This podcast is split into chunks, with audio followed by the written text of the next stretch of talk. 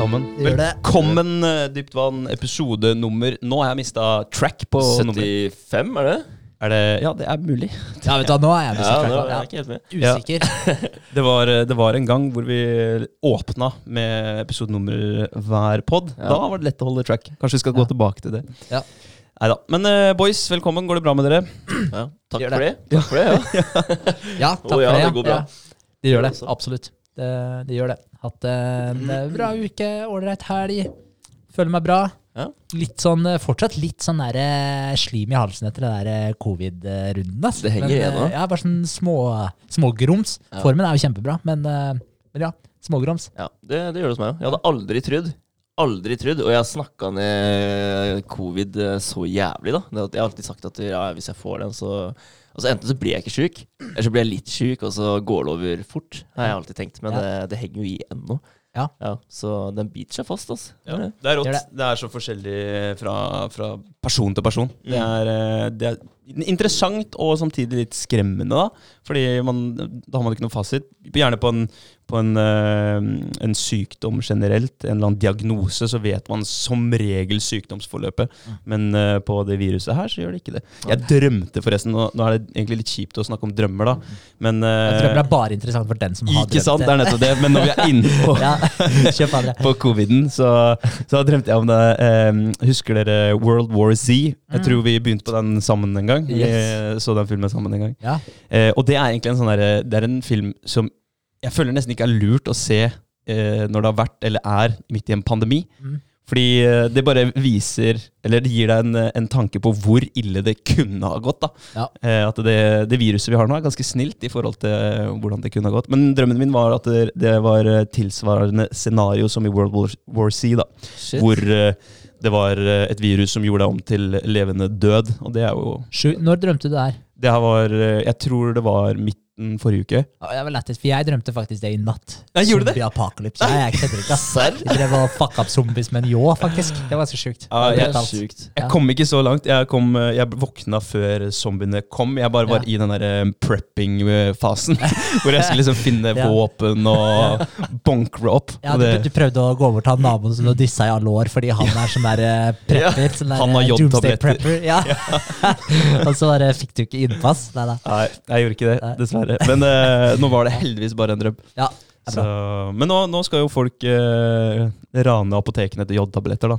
Ja, nå er vi der. Nå er vi der. Ja, men det hørte Først jeg- dopapir, så Ja, jodtabletter. det er så sykt at det blir sånn. Altså. Ja, det er- det, er, det ja. skulle nesten vært noen sånn her, eh, registrering på personnummer eller noe. At du bare får eh, Får en pakke hver, da og det blir registrert på personnummeret, så ikke du har muligheten til å hamstre for å så selge videre igjen. da Men, men var det ikke sånn at eh, jodtabletter ikke har den syke funksjonen som det egentlig skulle ha? Jo, Eh, ja, men det var et eller annet sånn eh, det, so, eh, Sofie, da, samboeren min, sendte meg en artikkel, og da var det en sånn der atomekspert da, som uttalte seg om det her. Mm. Og han sa at det ikke hadde noe å si, egentlig. Akkurat i det tilfellet her, da, med det der greiene i Ukraina, det som brant av det der kraftverket der. Så at Ok. det, det, ja, jeg vet ikke om det var for langt unna, eller Det var et eller annet han sa, det bare at ikke, at ikke på nåværende tidspunkt så hadde det ikke noe å si. Nei, men jodtabletter, det fungerer. Ja da, Ja. Det, det skal du gjøre. Men det er hvis, hvis du er under eh, 45, eller uh, Ta det med en klype salt, da. Nå googler det her sjøl.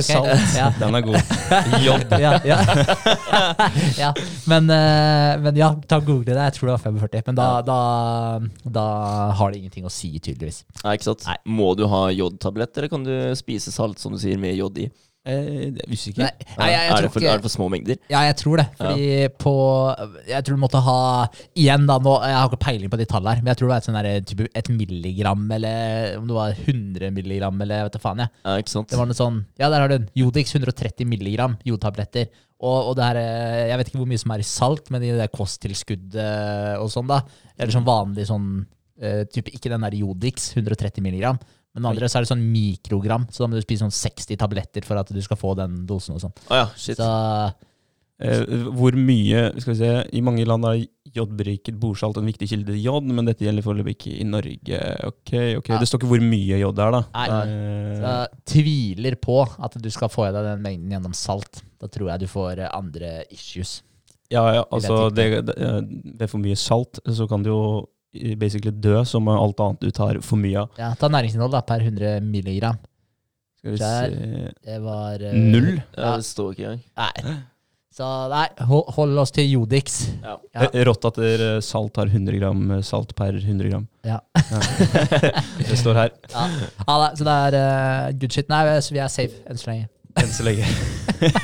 Ja, men det er litt sånn artig, da, fordi Eller artig, artig. Uh, Når man hører sånn eh, At det kommer sånne tilfeller som det der. da at det, Og så brått så er det sånn, så trenger man den tingen. Men så har man hørt det lenge. da bare sånn, Det er lurt da, folkens, å stacke opp med bare litt, så man har det i tilfelle uhellet er ute. Ja, Men så tar jeg det aldri seriøst. da Så brått så skjer det, og så er det bare sånn Å, shit, nå trenger jeg, og så er det utsolgt overalt. ja, men det er ikke Ja. dumt. Altså, det å bare skaffe seg jeg vet ikke, svære vannkanner som du kan ha hjemme, og bare sånn derre ja, survival kit, da, som Ja. vi snakka om i stad. Altså et sett som kan dekke kanskje behov for å faktisk overleve noen netter ute i skogen, eller hva det skulle være. da Ja. Og fuckings våpen, ass! Ja. Ja. Du aner ikke hvor gærne naboen, naboen din faktisk blir hvis det, hvis det skjer et eller annet. da Hvis Ja, det skjer noe drastisk. Så Mm. ja, kanskje han kommer til deg og skal stjele salt med jod i. da Kan hende. ja, Du har ikke lyst til å gi inn det, og så dreper han deg, liksom. Det, hvem vet? Men jeg er enig, jeg tror det er en, en eh, hårfin balansegang der da, mot eh, det å eh, være en sånn delvis prepper. At du har, har eh, Ja, du har det viktigste da, hvis det skulle skje. Mm. Eh, også den balansegangen mot å bli litt paranoid. At du er Ja, du, er, du har hele tiden en angst da, for at noe skal skje. Du blir en sånn katastrofe... Eh, hva heter det? Du, katastrofe... Doomsday Prepper. Ja, ja, det er jo det. Altså, du maksimerer Hva heter det? Eh, faen, nå er det helt stille Ja, her. nå, jeg vet ikke hva du leter etter. Nei, nei, men det blir jo sånn det er mange, Hos mange så er det vel ønsketenkning òg. At de Ja. håper at det her faktisk skal skje. Kanskje. Ja. Men jeg snakka med en, eh, en kollega om akkurat det. Og det det er eh, Ja, jeg tror det er sunt å liksom lese den brosjyra man får i posten eh, en gang i ny og ne fra Direktoratet for beredskap og sikkerhet, der det står at du bør ha kanskje en pakke fyrstikker, litt hermetikk ja. og ja, jodtablett og, og litt sånt noe. Mm. Hvor du har det i tilfelle at du skulle miste eh, vann, ja, og, og vann, som du sier, da, Vegard. Miste tilgang til rent vann, strøm og, og det der, da. Ja, Så, ja. Ja, for det, er ikke, altså, det, det tar ikke lang tid før du er fucked hvis ikke du har rent vann. Altså, det er bare å se at Hvis strømmen hadde gått hjemme, og du ikke hadde strøm på eh, x antall ja, si x antall dager, da. Ja. Mm, faen, du hadde jo Vi er jo så avhengige av de tinga der, så Ja, det er helt latterlig. Hvor mange hus og leiligheter i dag er det som ikke har uh, fyringsalternativ? da? Altså ved. Ja. Vedfyring. Det er mange. Ja. Ja, du, du har ikke det. Jeg har ikke Nei. det, jeg har ikke Så det. hvis strømmen går hos deg da, midt på vinteren, så er det fucked, ikke sant? Ja, jeg er Ja. Da må du lage et bål ute på gulvet, da. Ja, jeg, jeg, sa det. jeg sa faktisk det til Kristin her, her i forgårs. Vi snakka om eh, Nei, i går. Ja. Vi gikk tur, snakka om akkurat det her, da. For eh, ja, det er jo et tema nå. Hvor eh, ja, Russland har anerkjent Norge som en fiende fordi vi har sendt våpen og bla, bla, bla. Ja, hvis det skulle skje, da. Mm. Hva, hva gjør vi? Eh, og da liksom, ja, da må jeg ut på terrassen og, og fyre et bål der. Jeg kan ikke ha det inne, men da kan vi grille pølser på det bålet på, ute på terrassen, f.eks. Ja. Nei, det, er, eh, det er litt spesielt å begynne å tenke sånn, men jeg tror man skal være litt forsiktig med å, å krisemaksimere. Ja, Ja, Krisemaksimere, ja, ja. ja. Ikke katastrofemaksimere, Nei, men krisemaksimere. Krisemaksimere, Ja. Omtrent det samme. Eh, men ja, jeg tror man må være litt forsiktig. Det er lurt å være lur, men ikke eh, få noia. Ikke for lur. Nei, ikke for lur. Sant. Ja. Nei, men det er, nei, men det er godt poeng. Det er godt poeng. Altså, ja, og så og så tenk litt sånn i forhold til hvilken situasjon vi er i. Altså Ikke ta alle sorgene på forskudd. Selvfølgelig, Det går jo an å ta visse forhåndsregler. Det burde man jo kanskje gjøre. Men eh, til syvende og sist, da, så, så eh, se hva som faktisk er relevant eh, for deg da, i den situasjonen som du er i.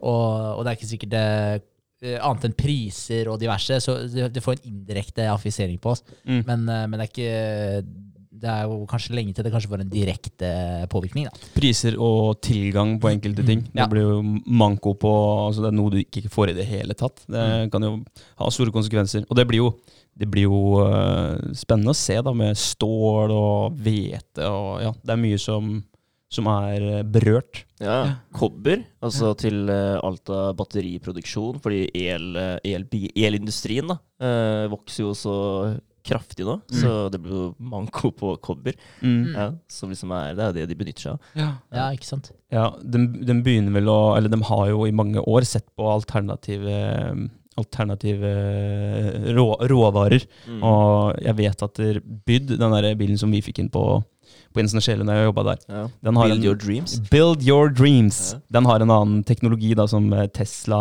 ville kjøpe og tror har kjøpt.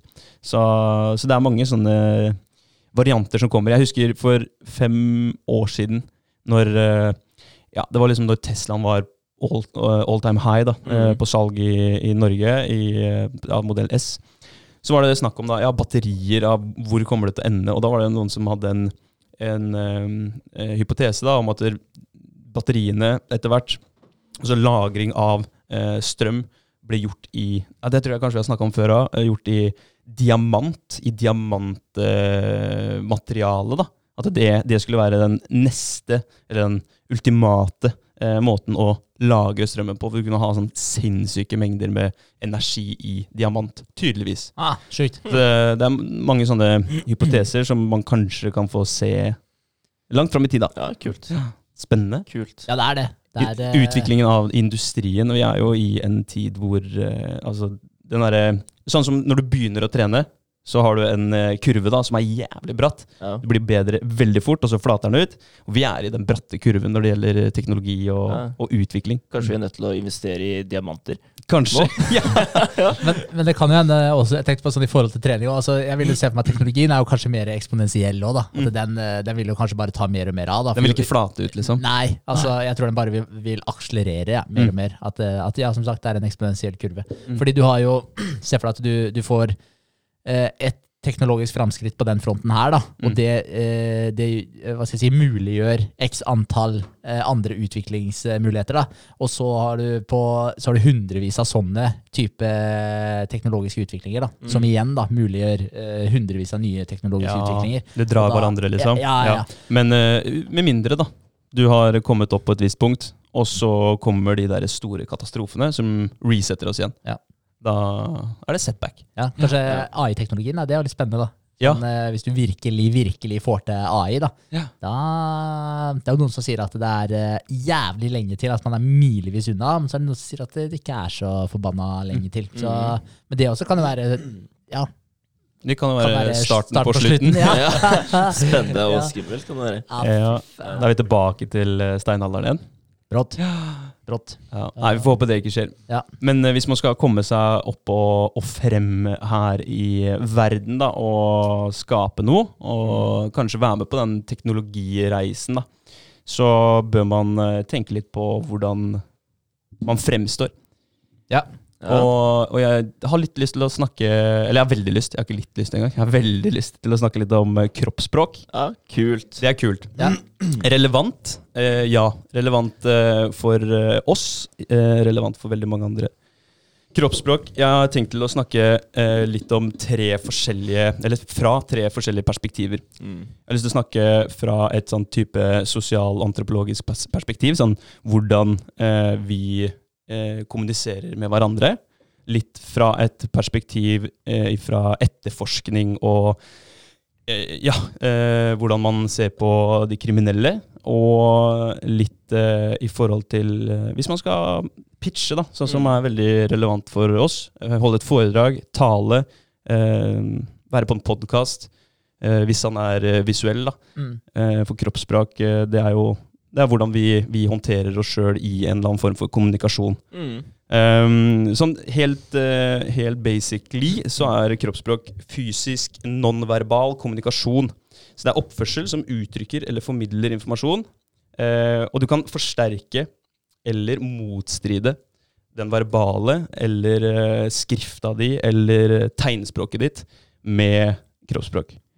Så hvis du, er, eh, hvis du skriver noe og viser noe på en eh, skjerm, eller du viser noe på en laps og, og bruker kroppen din, bruker armene dine, så vil du kunne forsterke eller motstride det du sier, eller skriver eller viser. Mm. Det er, eh, det er kroppsspråk. Det er mange varianter i forhold til eller hvor man viser eller kommuniserer eller forsterker budskapet. Du har ansiktsuttrykk. Du har holdning, gestikulering, øyebevegelser. Det er jo mange som kjenner seg igjen der når man foreslår noe for samboeren sin eller kameraten sin, og øya går opp i skallen. Da er det kanskje ikke interessant. Det er, nei, Heldigvis ikke for mange av dem, vel. nei, heldigvis ikke. Eller forhåpentligvis ikke. Forhåpentligvis. Ja. Eh, det er berøring, det er bruk av rommet. Mm. klær, stil, hår eh, Det er masse, egentlig. Ja, det er det. Eh, det er mange måter å forsterke eller motstride eller eh, ja, motstride det du har lyst til å formidle. Mm. Eh, og med motstride kan jeg ta et eksempel. Du, hvis du skriver en melding eller en tekst til, eh, til en kamerat eller en eh, du er glad i, og så skriver du ja, det var dritkult å se deg i dag, og så tar du den derre wink-emojien.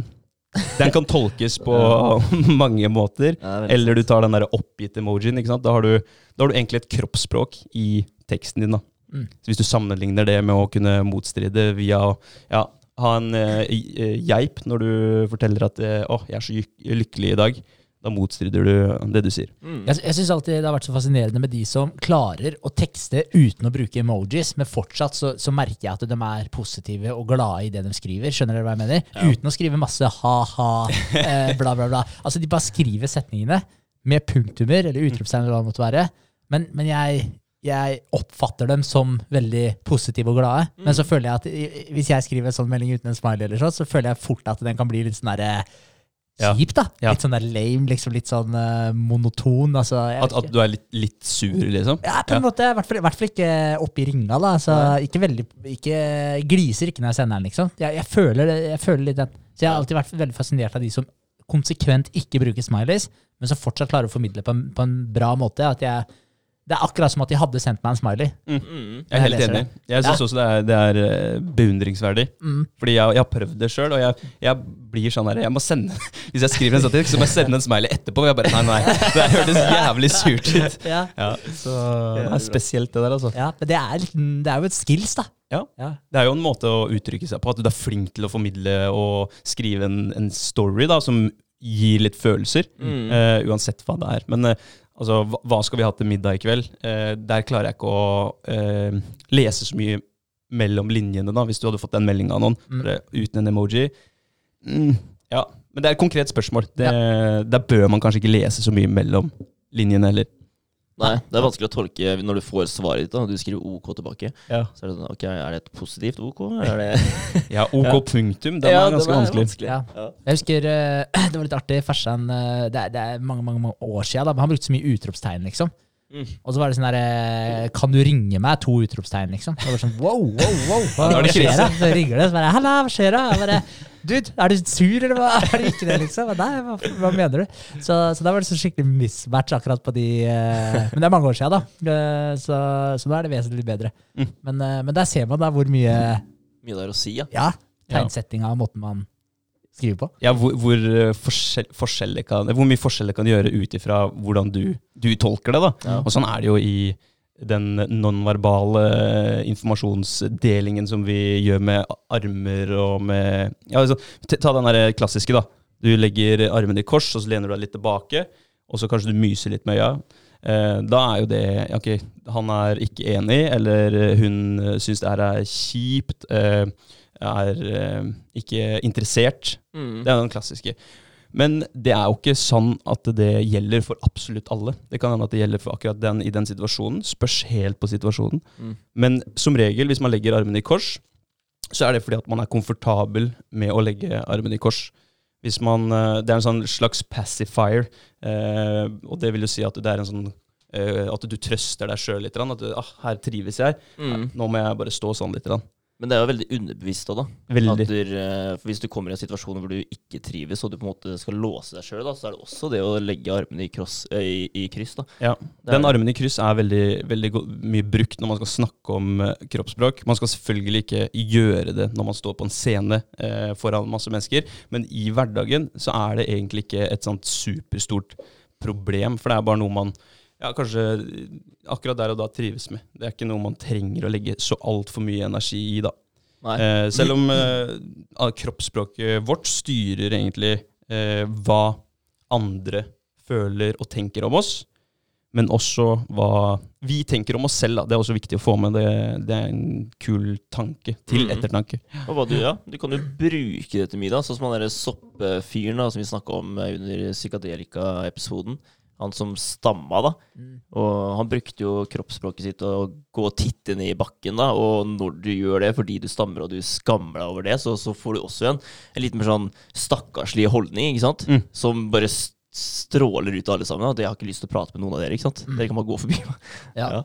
Men, det, men det kan jeg jo tenke meg også litt det der med å liksom Hvis du, hvis du står med kjente folk, da, og du, og du har armene i kors, så tenker jeg at det er jo én ting, da. Men hvis du er et sted med masse fremmede, Mm. Uh, si du er på en eller, annen, i en eller annen setting, enten om du er på en jobbreise, da, og, du, og du, du kjenner egentlig ingen der, og så står du der med armene i kors, da er du jo ikke så veldig innbydende sånn samme, da. Jeg har Mm. lyst til å snakke med deg. Du er jo egentlig ikke det, for da er du litt sånn inneslutta, litt sånn bestemt, kanskje. Du Eh, låser det. Ja, du gjør jo, gjør litt det. Men i hverdagen, da, hvis du bare tar hverdagen eh, Hvis jeg, du er på jobb og snakker med en av dine kollegaer og legger armen i kors, Ja. så er det en naturlig del av hverdagen. Ja, Det kan være en hvile, hvileposisjon. Yes, Ja, En hvileposisjon. Det, er- det er helt riktig. Og Ja. det samme når man sitter og krysser beina, krysser armene.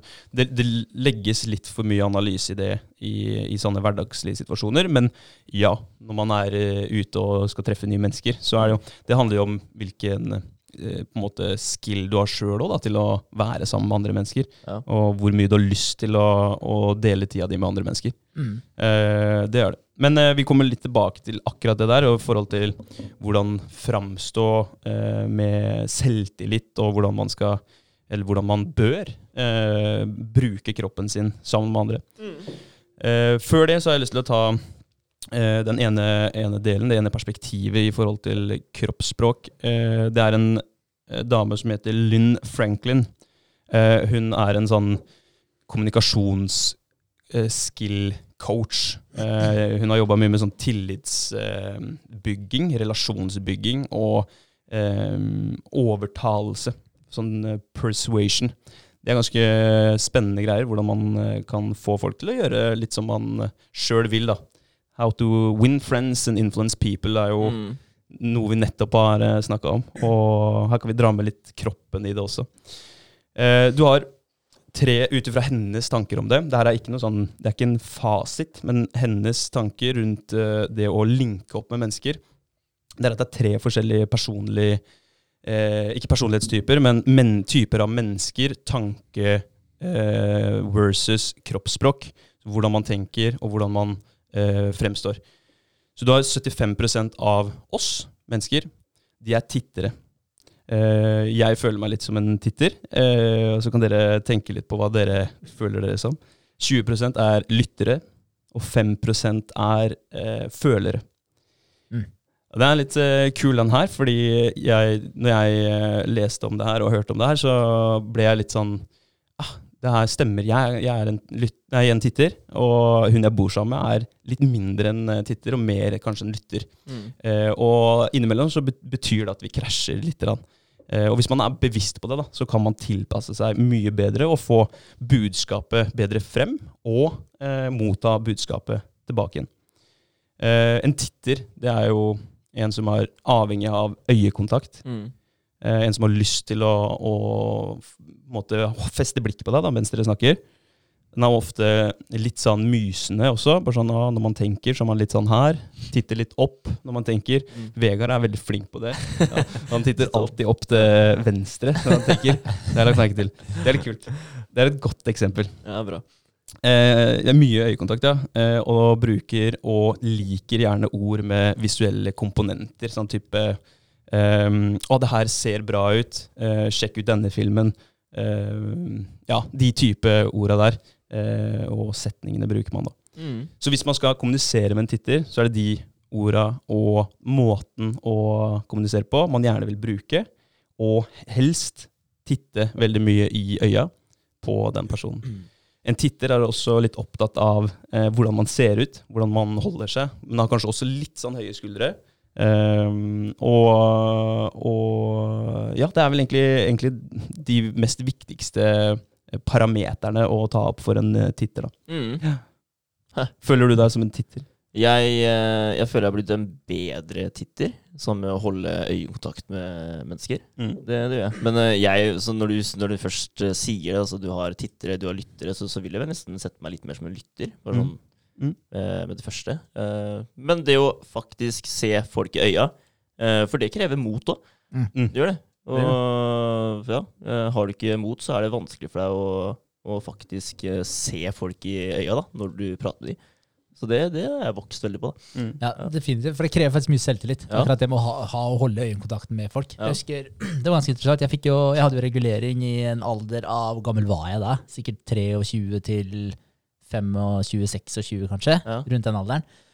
Og det var helt sjukt, altså, for jeg hadde egentlig øh, hva skal jeg si, forholdsvis god selvtillit, vil jeg si. Ja. Eh, og, så, og så fikk jeg regulering, og, og det gikk utover selvtilliten min. ass. Så jeg merka at jeg begynte etter hvert at eh, jeg ville ikke For jeg smiler veldig mye med tennene. Jeg, jeg, jeg gliser, liksom. da. Mm. Eh, det gjør jeg ofte, da.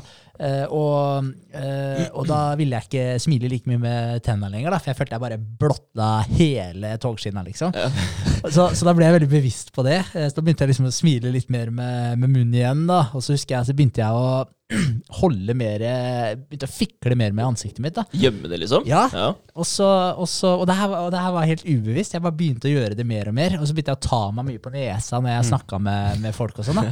Ja, det er rått. Og så bare på et eller annet tidspunkt da, så bare tok jeg meg sjøl i det her. Så tenkte jeg bare sånn, hva faen er det som skjer, liksom? Så jeg, jeg merka seriøst at det bare det gikk bare en sånn nedadgående spiral. Eh, og da var det sånn, jeg gikk inn på, på, eh, på bussen.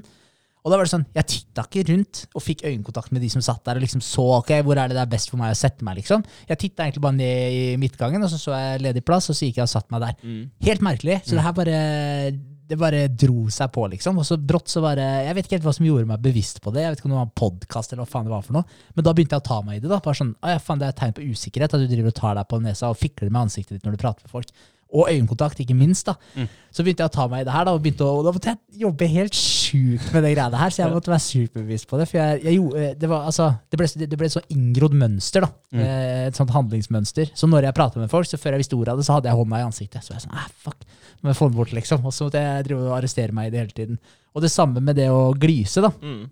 Det tok kjempelang tid altså, etter at jeg hadde fått av reguleringa òg, før jeg på en måte kunne smile sånn som jeg pleide å smile igjen. Så det er også måtte jeg på en måte, måtte lære meg. da. Men det var helt utrolig interessant å se den her prosessen med at det bare, uten at jeg egentlig tenkte over det, så fikk jeg bare dårligere og dårligere selvtillit. Og alle de her småtinga som jeg drev og gjorde, de uvanlige, som egentlig liksom eh, var sånn der, hva skal jeg si, sikkert sånn selvtrøst. da. uh, og, så, og de gjorde det jo bare enda verre. Så det var først uh, når jeg måtte begynte å bryte opp i det her, da. Så, men det, det tok faen meg mange måneder altså, før jeg var tilbake liksom der hvor jeg følte meg ordentlig bra og, og hadde ordentlig selvtillit igjen. Helt merkelig. Sykt. Utrolig Ja. kult at uh, du kom til det punktet hvor du faktisk uh, skjønte det sjøl. Ja, Ja, at du hadde utvikla de hva skal jeg si, de måtene å gjemme reguleringa di på. ja, ja. Ja, Og dysse det. Helt merkelig. Ja. Så, men det var jævlig interessant, da. Og Veldig, da, ja. veldig interessant, Ja. jeg hadde jo regulering på, på videregående, ikke, og jeg hadde skikkelig self-pity eh, da, og det var jo mye tidligere enn deg. Ja. Så jeg, jeg syns skikkelig synd på meg sjøl, og hadde akkurat det samme. Jeg slutta å smile med, med tenna. Mm, Ja. Smilte med munnen igjen, og det, det ser jo teit ut, spesielt når du har en regulering under. Da Ja, Da får du jo bare sånn strekk på, på leppene, og ja, det ser ut, utrolig rart ut. Ser dust ut. Det ser dust ut. Eh, Da er det bedre å bare blottlegge og blende folk med reguleringen din. Ja. Eh, det er det. Men jeg også gjorde akkurat det samme. Begynte å fikle masse i trynet og på nesa og ja, gjemme munnen min, liksom. For jeg syntes det var skikkelig ubehagelig. Ja. Og da mumler du sikkert mye mer, og det er jo ikke bra, ikke sant. Nei.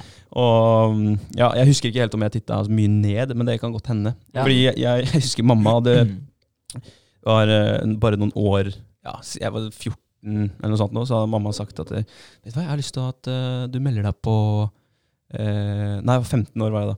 Eh, melder deg på audition til Hotell Cæsar. Altså, ja, var, var han derre Husker dere Goggen? Ja. Ja. ja. Goggen på Hotell Cæsar.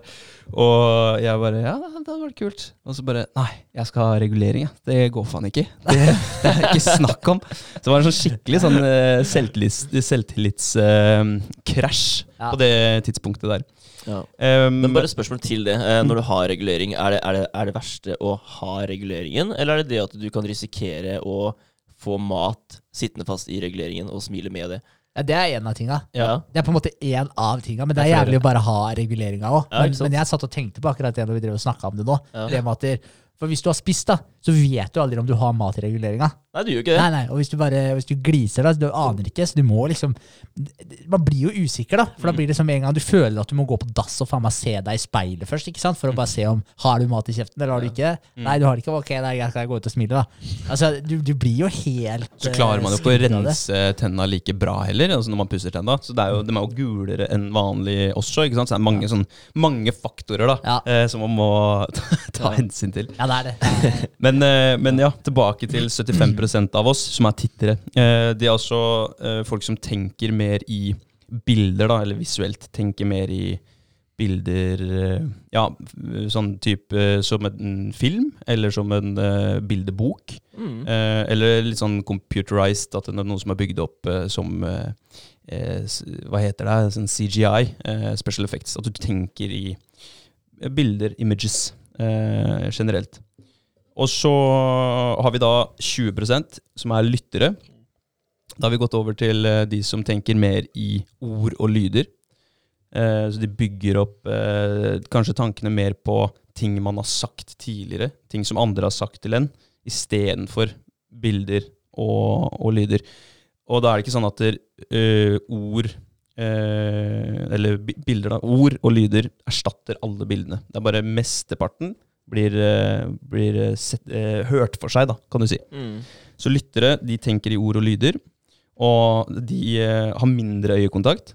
De eh, bruker gjerne auditive ord som eh, det høres bra ut istedenfor ser bra ut. type Bare for å ta et enkelt eksempel.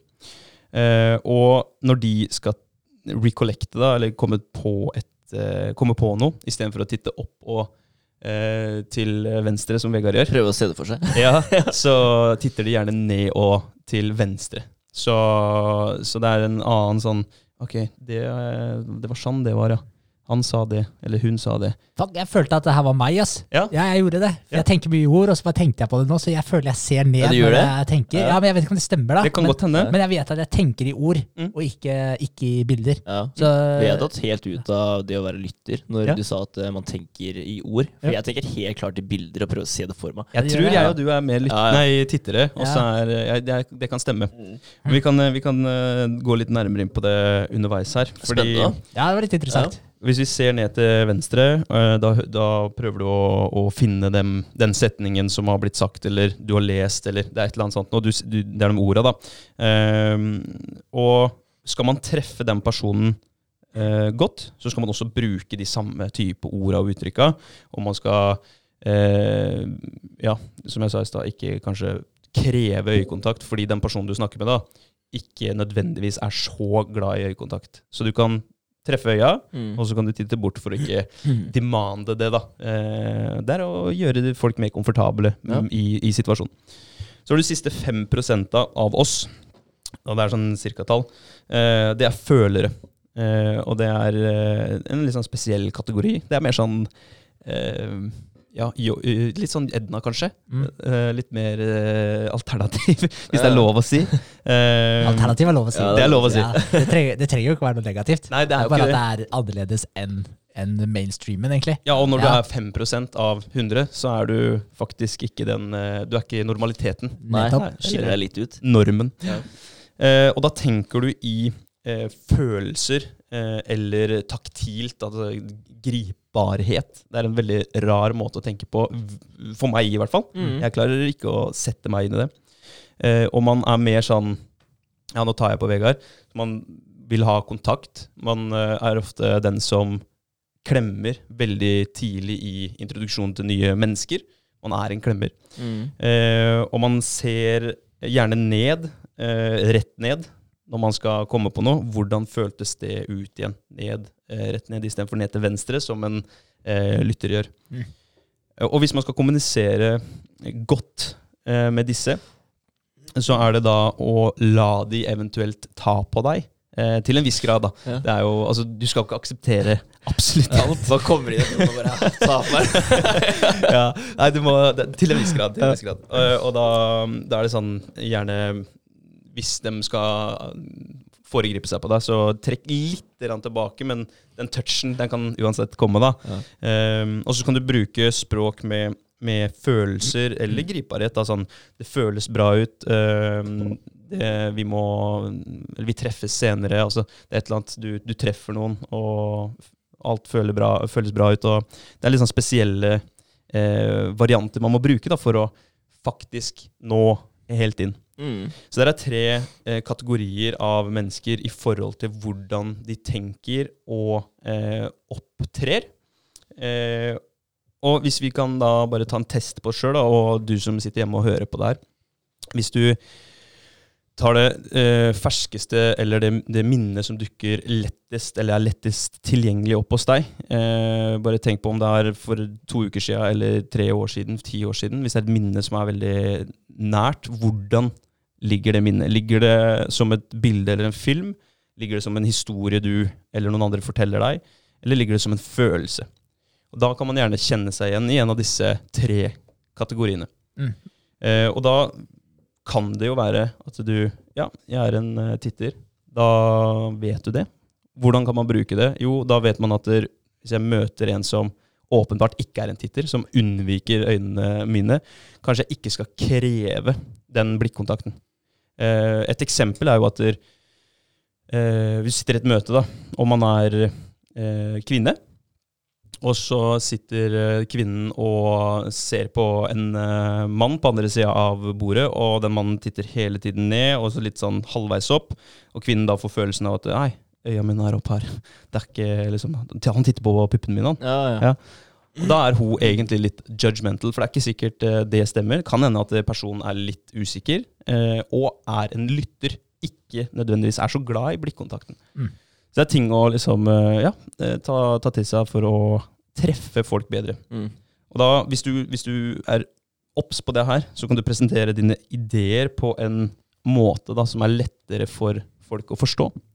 Eh, og det her er én av eh, de eh, synspunktene eller synsvinklene jeg syns er veldig fascinerende. Fordi at der, hjemme hos meg eh, Det verste jeg vet, det er hvis jeg forteller noe til Kristin, eh, og imens jeg snakker med henne, så snur hun ryggen til meg og går. Eh, Uansett om jeg vet at hun skal på kjøkkenet fra eh, stua, da. Mm. Og kommer sikkert tilbake igjen nå for å fortsette å høre på hva jeg sier.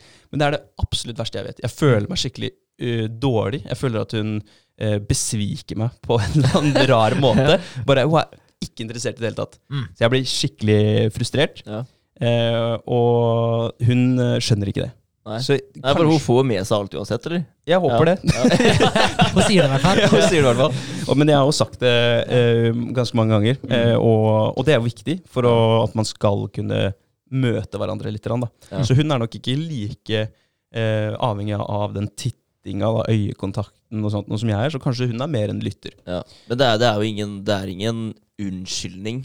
Og hvis du, hvis du blir observant på det her, da, altså jeg er en titter og du er en lytter altså Sånn som eh, det møtet da med han eh, mannen som sitter og titter mer ned i bordet, og hun dama føler at eh, kanskje han titter på puppene mine, eller hva det skal være.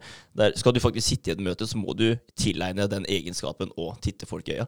Det er også Ja, sant. det blir ikke en unnskyldning. Nei, vet du jeg er en lytter, jeg, så derfor er jeg Derfor, derfor er det greit for meg da å heller bare titte ned i bakken og ja, se uskyldig og nesten litt uh, redd ut. da Ja. Ja. Det er et godt poeng, og, og det, det tenker jeg er eh, veldig sånn man må, må føle seg litt fram på. Altså, hvis, man skal, hvis det er en person du har eh, et eller annet du skal få noe av, da. du skal vinne den personens tillit, så kanskje man skal møtes og man skal inngå et kompromiss akkurat der, fordi at du skal han skal føle seg komfortabel, eller hun, da. Og, og man, skal, man skal vinne litt av hverandre. Det er en win-win-situasjon. Mm. Men det handler jo mye om det å, å møtes eh, på midten, som dere sier. da. Fordi altså, er du, er du en person som ikke liker øyekontakt, så burde du tilegne deg den egenskapen og burde, burde jobbe med det. For du, for du kan bli flinkere på det. Som sagt, jeg hadde en periode hvor jeg sleit som helvete med det, fordi jeg bare hadde dårlig selvtillit. så det- Men etter at jeg bare har tvingt meg sjøl til å gjøre det, så nå er, nå er det ganske naturlig for meg å holde øyekontakt med folk. da. Så, så det er jo noe som man burde ja, møtes litt på midten. da. Og spesielt også i et samboerskap. For det, det som er ekstremt viktig der, er jo faktisk å lytte da, til partneren. Mm. For hvis partnerne sier at vet du hva, det her plager meg skikkelig, liksom. Og, men hvis den andre tenker sånn Nei, men det er ikke, det er ikke sånn det er, Mm. liksom. Men nei, nei, men det er greit, men det plager meg fortsatt, liksom. Da burde man faktisk prøve da, å, å ta det til, til etterretning. For hvis man har ti sånne ting da, som, som, eh, som irriterer en, da, som den andre gjør, som man egentlig har sagt ifra om, og den ikke tar det til etterretning, så man får luka bort de tinga her, da, så, så går jo det på, på kompromiss av samboerskap igjen. da. Mm. Så, så, og jeg, jeg, er helt hellig overbevist om at hvis du faktisk hører på det partneren din sier fordi partneren din sier hva som er galt, eller hva du gjør feil, det kan du banne på. Du får høre det før eller siden. Ja. Eh, og selv om det kan være på en eller annen kanskje litt subtil måte også, så får du høre det. Og hvis du virkelig følger med på det, da, det som blir sagt, og du tar det til etterretning, og selv om du mener at det er litt annerledes, eh, og at det ikke er helt sånn som eh, hun oppfatter det, eller motsatt, eh, men hvis du tar det litt til etterretning, da, og så gjør du noe med det, så får du luka det bort. Mm. Og da vil du fjerne en liten sånn gnisning, eller en lite irritasjonsmoment hos den andre. Og da vil du igjen få et eh, bedre samboerskap. da. Og jeg er helt overbevist om at hvis du gjør det her hele tiden, hvis du virkelig følger med på hva det er samboeren din faktisk klager på, eller som ikke er helt fornøyd med, og du tar det til etterretning, og du gjør det lille ekstra for å fjerne de tinga, så, så, så tror jeg ikke det kan gå til helvete. Nei, det er jeg helt enig i. Men man skal heller ikke gå på kompromiss med sine egne måte, grunnverdier. da. Nei. Så man skal ikke liksom alltid innjustere seg etter sin samboer. Definitivt. Så det er jo viktig å, å ha seg sjøl med der. Ja. Ja, for, eh, men, men som du sier, da, det er, det er jo måter å, å lese samboeren sin på, og bli bedre på å kommunisere, og kanskje gjøre ting lettere, at du fjerner en eller annen barriere da, ved å opptre annerledes sjøl. Eh, og det er ikke nødvendigvis at du skal legge deg flat hele tiden og være den som, som eh, ja, er den eh, pliable, som eh, hele tiden ja, legger seg ned. Mm. Men eh, hvis vi da trekker inn den andre vinkelen på body language, da, som er mer sånn eh, etterforskningsbasert. Eh, det er en eh, kvinne som heter Janine Driver. Hun hun har over 20 års erfaring da, med, med å, det hun kaller decode forbrytere. Eh, og nå bruker hun det her til å hjelpe folk til å bli eh, en litt bedre versjon av av seg sjøl, og kunne hjelpe både seg sjøl og de rundt seg, da, base, basert på sin erfaring. Og den, den erfaringen hun har, er fra bl.a. FBI og CIA og Scotland Yard og litt sånn forskjellig. Hun har vært rundt omkring og, og hjulpet disse enhetene. Ja, stilig. Veldig stilig. Um, og hun har en forkortelse uh, som heter ESL. Og Det er ikke English as a second language, det er everyone's second language. Og det er jo Mm. kroppsspråket, da. For det er et språk vi alle har. Det har ikke noe grammatikk eh, inne i bildet, men det har eh, mye annet. da. Det er mye annet som er eh, felles for alle mennesker. Men så må man huske på, og det her er ikke noe hun har sagt, da, men sånn generelt så er det jo kulturforskjeller òg, på forskjellige eh, gestikuleringer eller måter å opptre på, hvordan man plasserer seg i et rom osv. Så, videre. Så det er ikke sånn at alt er universelt eh, for ja, verden. Så det er noe som, som er annerledes fra, fra sted til sted. Men vi tar, eh, tar som eh, Eller vi tar den her som hun har lagd. Eh, 'Everyone's Second Language'. Det begynner med, med en historie eh, om eh, en kar som heter Chris Watts. Han mista kona si, som var gravid, og sine to døtre.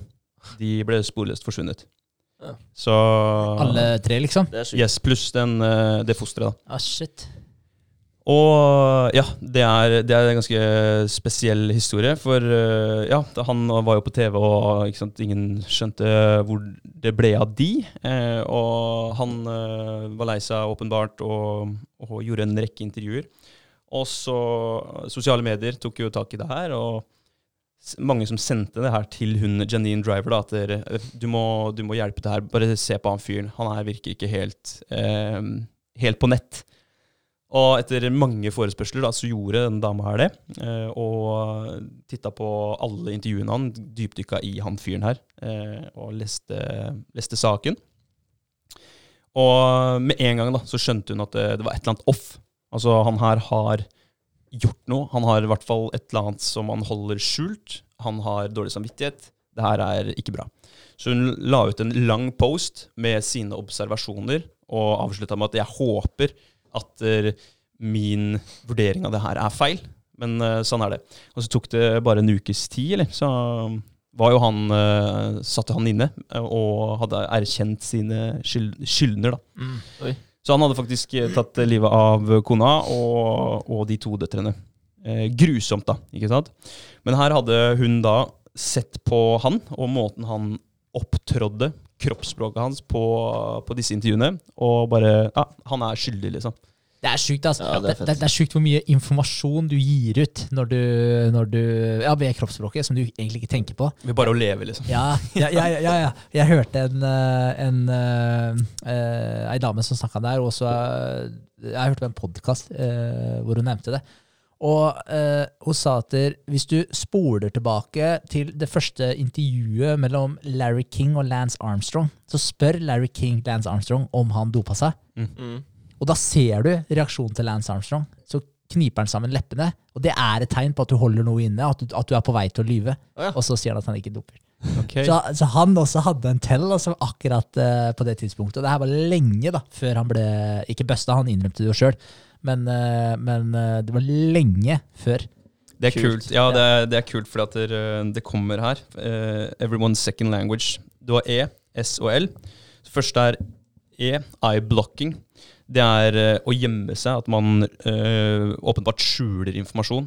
Eh, hvis du f.eks., Vegard, Mm. mens eh, vi har den samtalen her, så titter du vekk, eller lukker øya, eller altså gjemmer hodet under sanda, da, om man kan si det sånn. Ja. Eh, så er det åpenbart noe du kjem, eh, skjems for, da. ja? Det er noe du ikke vil at vi skal vite. ja, ikke sant? Altså Mer enn halvannet sekund med øya igjen er ganske lenge, og da, da er det et eller annet som er gærent. Ja. Så um, det, det er jo en fin måte å se det på, er- eller sammenligne det med, er jo telefonen din. Den har en eh, screensaver. En, eh, du har som regel enten Face ID eller en kode. Og det samme, eh, Du har jo det sjøl også, så hvis det er noe du ikke vil at vi skal vite, så gjemmer du det jo. Det samme har telefonen din. Der har det sensitiv informasjon som du ikke vil vise til andre.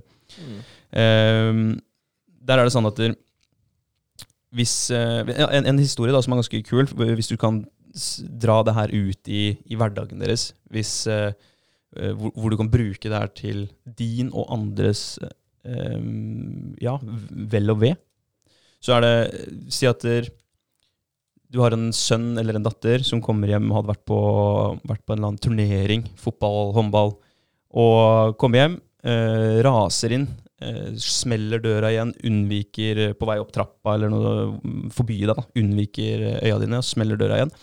Så kan reaksjonen til deg som forelder være at du river opp den døra. Fy fader, det der er ikke noe oppførsel vi har her i huset. Med smelling av dører, og så demonterer du døra og hiver den ut i garasjen. For ja, skal du bruke dørene sånn, så driter vi i dører her.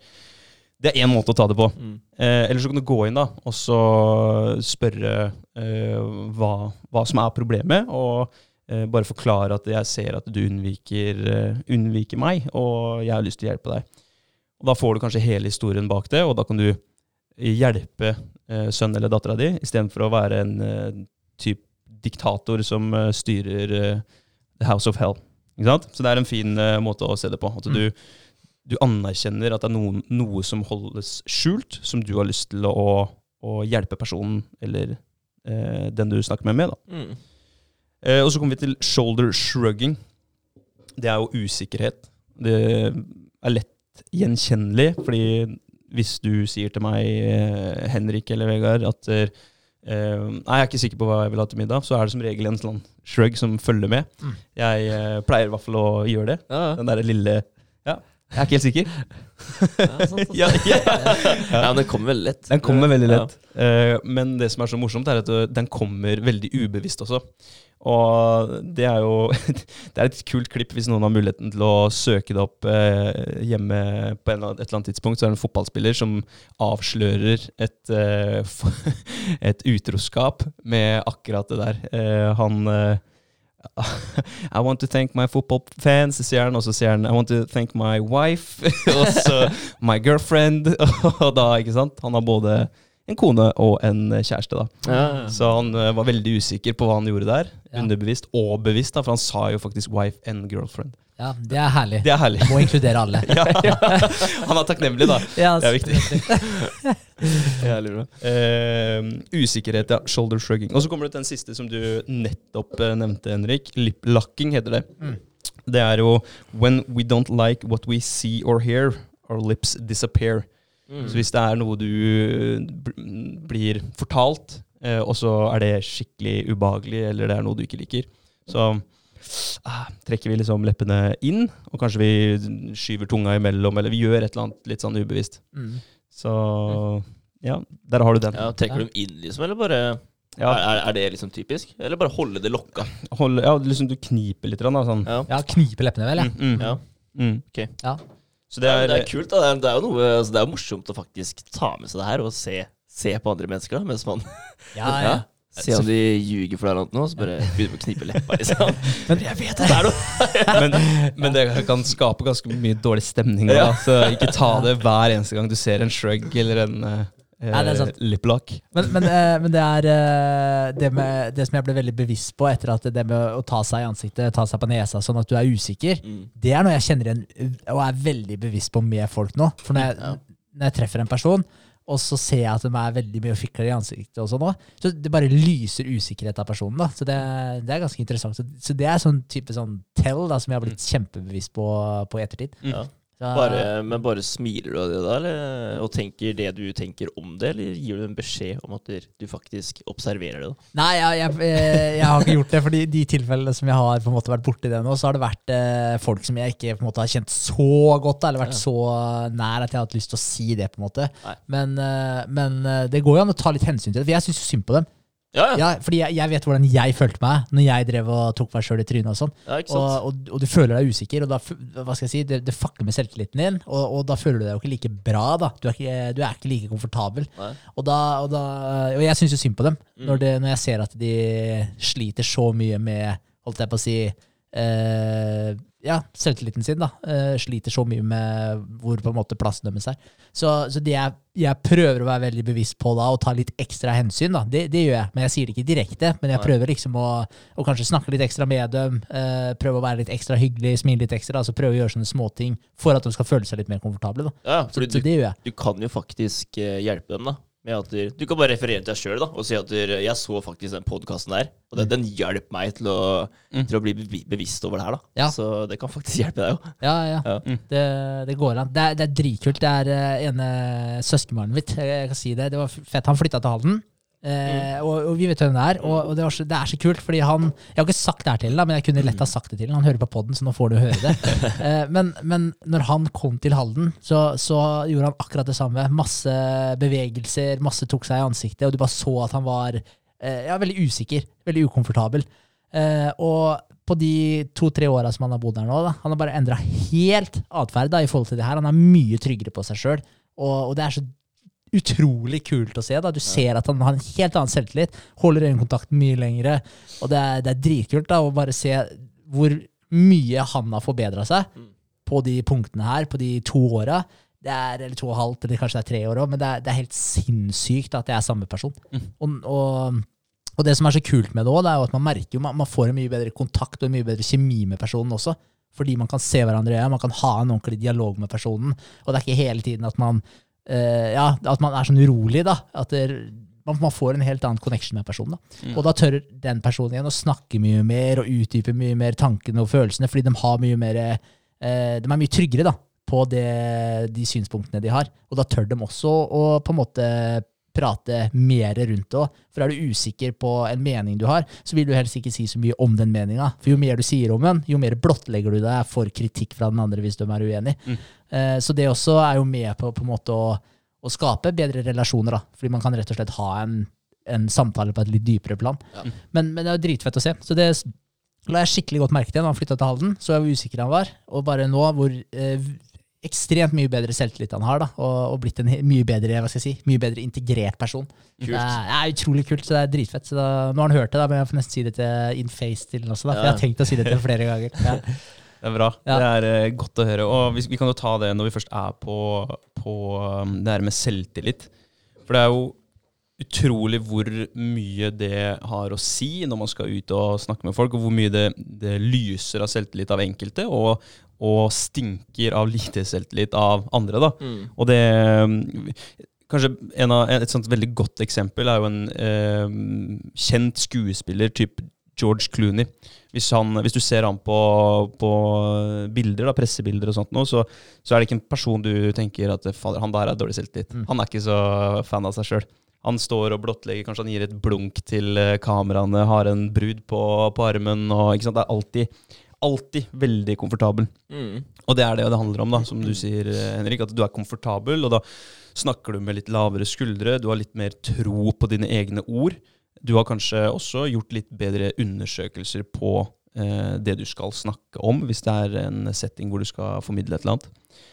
Eh, det handler egentlig om å ta rommet eh, før rommet tar deg, hvis du skal ut og snakke med noen. Mm. Ja. Det, Tror du det kan være kjekt å bare tenke det om seg sjøl, da? At du faktisk er eh, du, er den, du er den mest intelligente, den beste personen som faktisk er blant de andre, samtidig som at du er ydmyk. da Bare, bare ha den tanken om deg sjøl, at jeg er best der inne. Bare, for å bare øke den selvtilliten så jævlig, da. Samtidig som at du, selvfølgelig oppfører deg ordentlig, da. Men bare jeg tror, du, jeg tror du klarer å vise rommet veldig hvem du er, da. Hvis du går inn og bare tenker at du, jeg, jeg er best der, liksom. ja. Ja, ja. Samtidig som at du oppfører deg, selvfølgelig. Men uh, Du skal ikke være stygg for det. Men eh, bare ha den tanken om deg selv. Da. Ja, jeg, jeg tror at det, det hjelper. Ja. Definitivt. Også akkurat hva du tenker. Om, om du bare tenker at det- jeg er best, eller om du tenker at du er bedre enn noen. Eller altså om du er bare ja, Om du bare ja, jeg blir bedre og bedre hele tiden, liksom. Mm. Og du bare feeder selvtilliten din på, på den måten. Jeg, jeg tror det hjelper mye. Og, og, for det er jo ikke noe du trenger å si høyt. Men, men før du går inn i et rom Hvis det siste du tenker før du går inn i det rommet, så har du tenkt ti ganger hvor jævlig ræva du føler deg, og hvor kjip dag du har. Du, du kommer ikke inn i det rommet og feeder det rommet med energi. Da kommer du inn der med kanskje litt sånn eh, henslengt holdning, eh, litt lavere stemme, eh, du snakker ikke like tydelig, mm. du snakker ikke like mye, og du kanskje ikke ja, er like involvert i samtalene generelt. da. Men hvis du, før du kommer inn der, hvis du sier til deg sjøl ti ganger at 'jeg blir bedre og bedre for hver dag', 'jeg er den beste versjonen av meg sjøl', 'jeg er best her' Altså, du må jo ikke knytte det opp mot de andre i rommet heller, men altså, gjør hva faen du vil. Da. Men poenget mitt er bare hvis du snakker positivt til deg sjøl, og feeder den, så, så tror jeg du kommer inn med en helt annen holdning. Jeg er helt overbevist om at du gjør det. Ja, det tror jeg. Jeg er også ganske sikker på det, og det er jo noen, eh, noen ting vi kan eh, ta opp rundt akkurat det her også. Og det, det er jo eh, Det er kult da hvis du Det er et ordtak som heter 'fake it till you make it'. Mm. Eh, og det ligger ganske mye i det, men man bør heller tenke 'fake it till you become it'. Og da blir det litt sånn uh, visualisering. Vi har snakka om det ganske mange ganger, at du ser for deg eh, måla dine, og du egentlig er akkurat der du har lyst til å være. Ja, Og det blir jo det samme, da. At du har den holdningen som vi også har snakka om tidligere, som om du skulle være den personen du ønsker å være. Fake it till you become it. ja, ja. Og bare det derre Altså, selv om du ikke har råd til det, da, men uh, faktisk ta deg råd til å kanskje fly i første klasse en gang. da, Bare for å faktisk føle på det og kjenne hvordan du passer inn i de miljøet der. da. For Det er ikke, det er jo ikke et kjent miljø for deg, men uh, hvis du gjør det en gang, så, så blir det litt mer kjent. da, Og du får faktisk følt på det, og du får grodd litt inn i det. Så det blir enklere å gjøre det neste gang. da. Det har hørt eh, sinnssykt mange gjøre, akkurat de greiene der. Altså, altså, de bare Lenge før de har råd til de tinga. Så det er ikke sikkert det er et jævlig godt tips til mange. da. Det kan jo gå bankrupt, kanskje, men, men at de setter seg i de situasjonene som de har lyst til å leve i. da. Eh, og, og, men det, det går jo litt tilbake til akkurat den derre eh, Jeg hørte det var en, en som sa det. Det kan godt hende det ble nevnt av deg nå i denne episoden her også, André. Men jeg har hørt det, hørt det mange ganger. Jeg husker ikke om du sa det nå eller ikke. Men, men det er sånn, du kommer deg ikke lengre. Du blir ikke mer enn den historien du forteller om deg sjøl til deg sjøl, Mm. om det gir mening.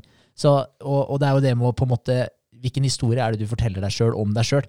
Og det har jo med de affirmations å gjøre. Hvis du hele tiden sier til deg sjøl at der, jeg er best, jeg blir bedre og bedre hele tiden, jeg kommer til å oppnå alle måla og drømmene mine, det her er måla og drømmene mine, og tenke at du allerede har oppnådd dem. Da. Så det er den historien du forteller deg sjøl.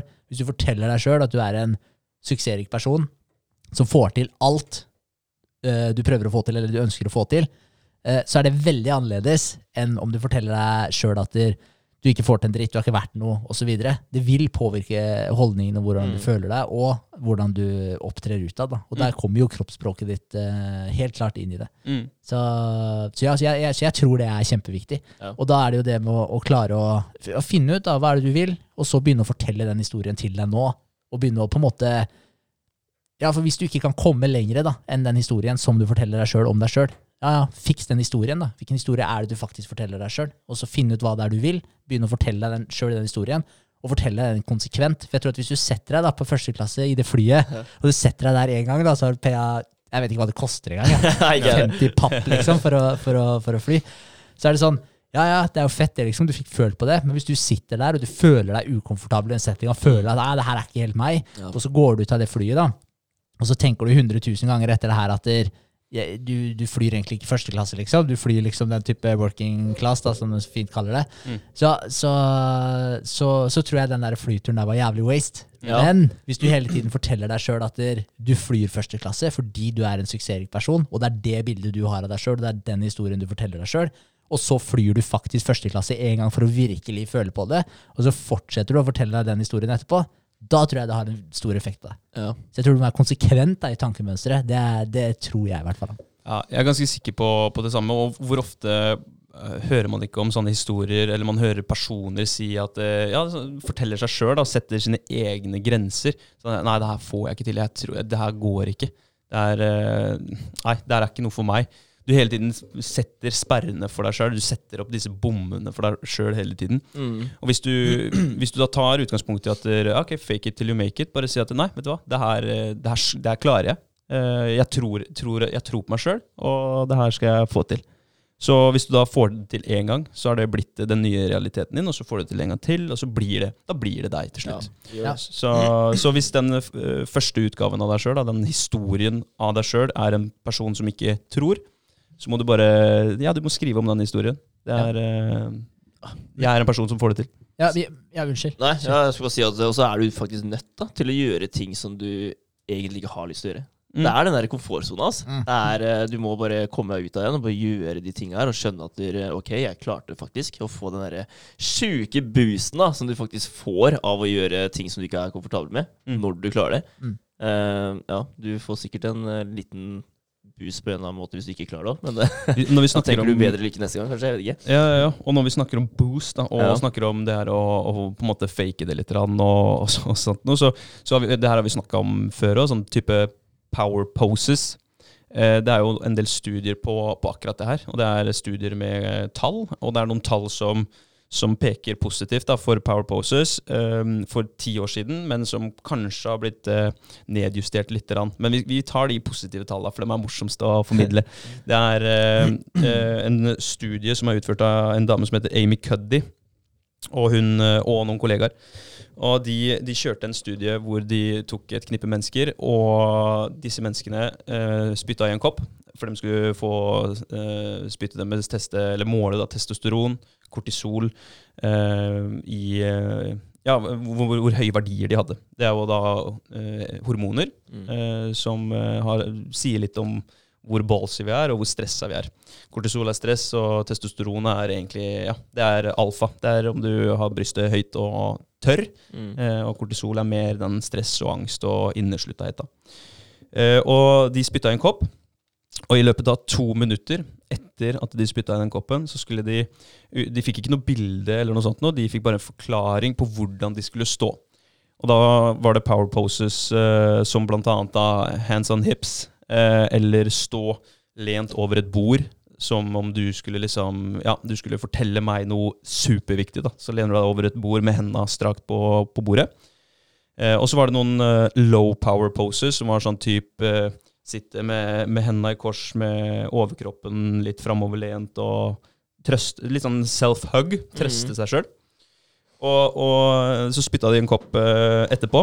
Eh, nei, før de spilte Hank opp etterpå, så tok de en sånn uh, risk tolerance-test. Så de fikk uh, De spurte disse menneskene De fikk de til å gamble, da. Og da var det sånn at der, Hvor villig er man til å ta en økonomisk risk etter å ha stått i en viss posisjon? Og da var det 86% av de som hadde hatt en high power pose, de var villige til å ta en større sjanse, så de ville gamble, da. Uh, mens de som sto i en low, low power post, uh, der var det 60% som ville, ville gamble. Mm. Og når det gjelder uh, testosteron, så økte det 20 eh, testosteronnivået på de som hadde high power pose. Der økte testosteronnivået med 20 Kortisolnivået det ble redusert med 25 Så det er ganske massive økninger. Ja, det er drøyt. Det er drøyt. Ja, det er fett. Eh, og ved low power pose så reduserte de eh, Eller så målte de 10% reduksjon i eh, testosteron og økning på 15% i kortisol. Ja, hva sa du? Kan du si det en gang til? Eh, 10% reduksjon i testosteron Ja. og 15% økning i kortisol. Men hva var det på? Low power pose. Ja, okay, Ja, Ja. ikke sant? Så når du sitter og koser deg sjøl, så Ja. øker kortisolen. Ja, Ja. Du burde, altså når du egentlig skal trøste deg sjøl, Ja. så blir du litt mer stressa og litt mer eh, angst. Ja. Ja, det er sjukt. Men, men, men, der har du igjen, altså hvis vi går litt tilbake til den der eh, måtte bare sjekke hva som skjedde med kameraet. Men eh, hvis vi går litt tilbake til den der uh, Hvilken historie du forteller deg sjøl, Mm. så er det jo litt det samme greiene. da Hvis du står i en power så forteller du jo deg sjøl at du er en person som er trygg på deg sjøl. Du har selvtilliten der, Ja, og, og du er på en måte Ja, du har litt den der Supermann-holdninga. Få litt mer den alfafølingen, da. Ja. Følelsen. At uh, ja, du står her strak og stor, liksom, og ja, hever deg litt, da. Ja. Ja. Så, så det er jo dritfett at de faktisk har funnet tall på det også, men, men det, det, hva skal jeg si, det er jo bare et vitne til at de tinga der faktisk fungerer. da. Ja. Og den historien du forteller deg sjøl, at ikke det bare er mentalt, men at det har med holdninga di å gjøre òg. Men det at det øker sjansen på at de, de som står i den powerposen, har lyst til å gamble, da. Mm. Det kan, Det kan jo være positivt. Kanskje vi skal få alle man møter til å bare Vi kjører sånn powerpose først, da. gamble på deg. Ja. Ja. Ta en sånn liten runde før vi pitcher. Ja, bare begynne å snike de inn på en eller annen måte. Ja. Ja, men det er ikke, det, det er ikke dumt, eh, det der. Og merker du sjøl, jeg vet ikke om dere merker det, hvis dere står i en eller annen type um, bred stilling, at du gjør deg sjøl litt stor, Mm. du føler deg litt mer eh, oppe og nikker enn hvis du liksom ja, gjemmer deg litt, litt bort. Det, det henger jo ganske sammen med ja, sosiale settinger og hvordan man tolker de sosiale eh, sammenkomstene man er i også. Ja, tar du stor eller liten plass, da? Mm. Ja, det Ja. jo litt sånn. Det er veldig, veldig enkelt å forstå, egentlig. Ja. Ja, det er det. Men jeg tenkte bare sånn, bare for å hoppe litt tilbake til den der fake it till you make it også. Fordi En fin måte å, å tenke på det på. Fordi man, man trenger ikke å direkte fake det heller. Fordi hvis man tenker på Hvis du setter deg et mål, da, at du skal bli eh, jeg bare ta det, André, Hvis du skal bli den eh, verdens beste personlige trener. Bare, bare for å ta det som et eksempel. Det er jo Eh, det jeg. Ja. jeg òg, altså. Hvis du, hvis du tenker ok, hva er, det, hva er det jeg må gjøre for å, for å bli verdens beste personlige trener, eller Norges beste, eller hva det måtte være.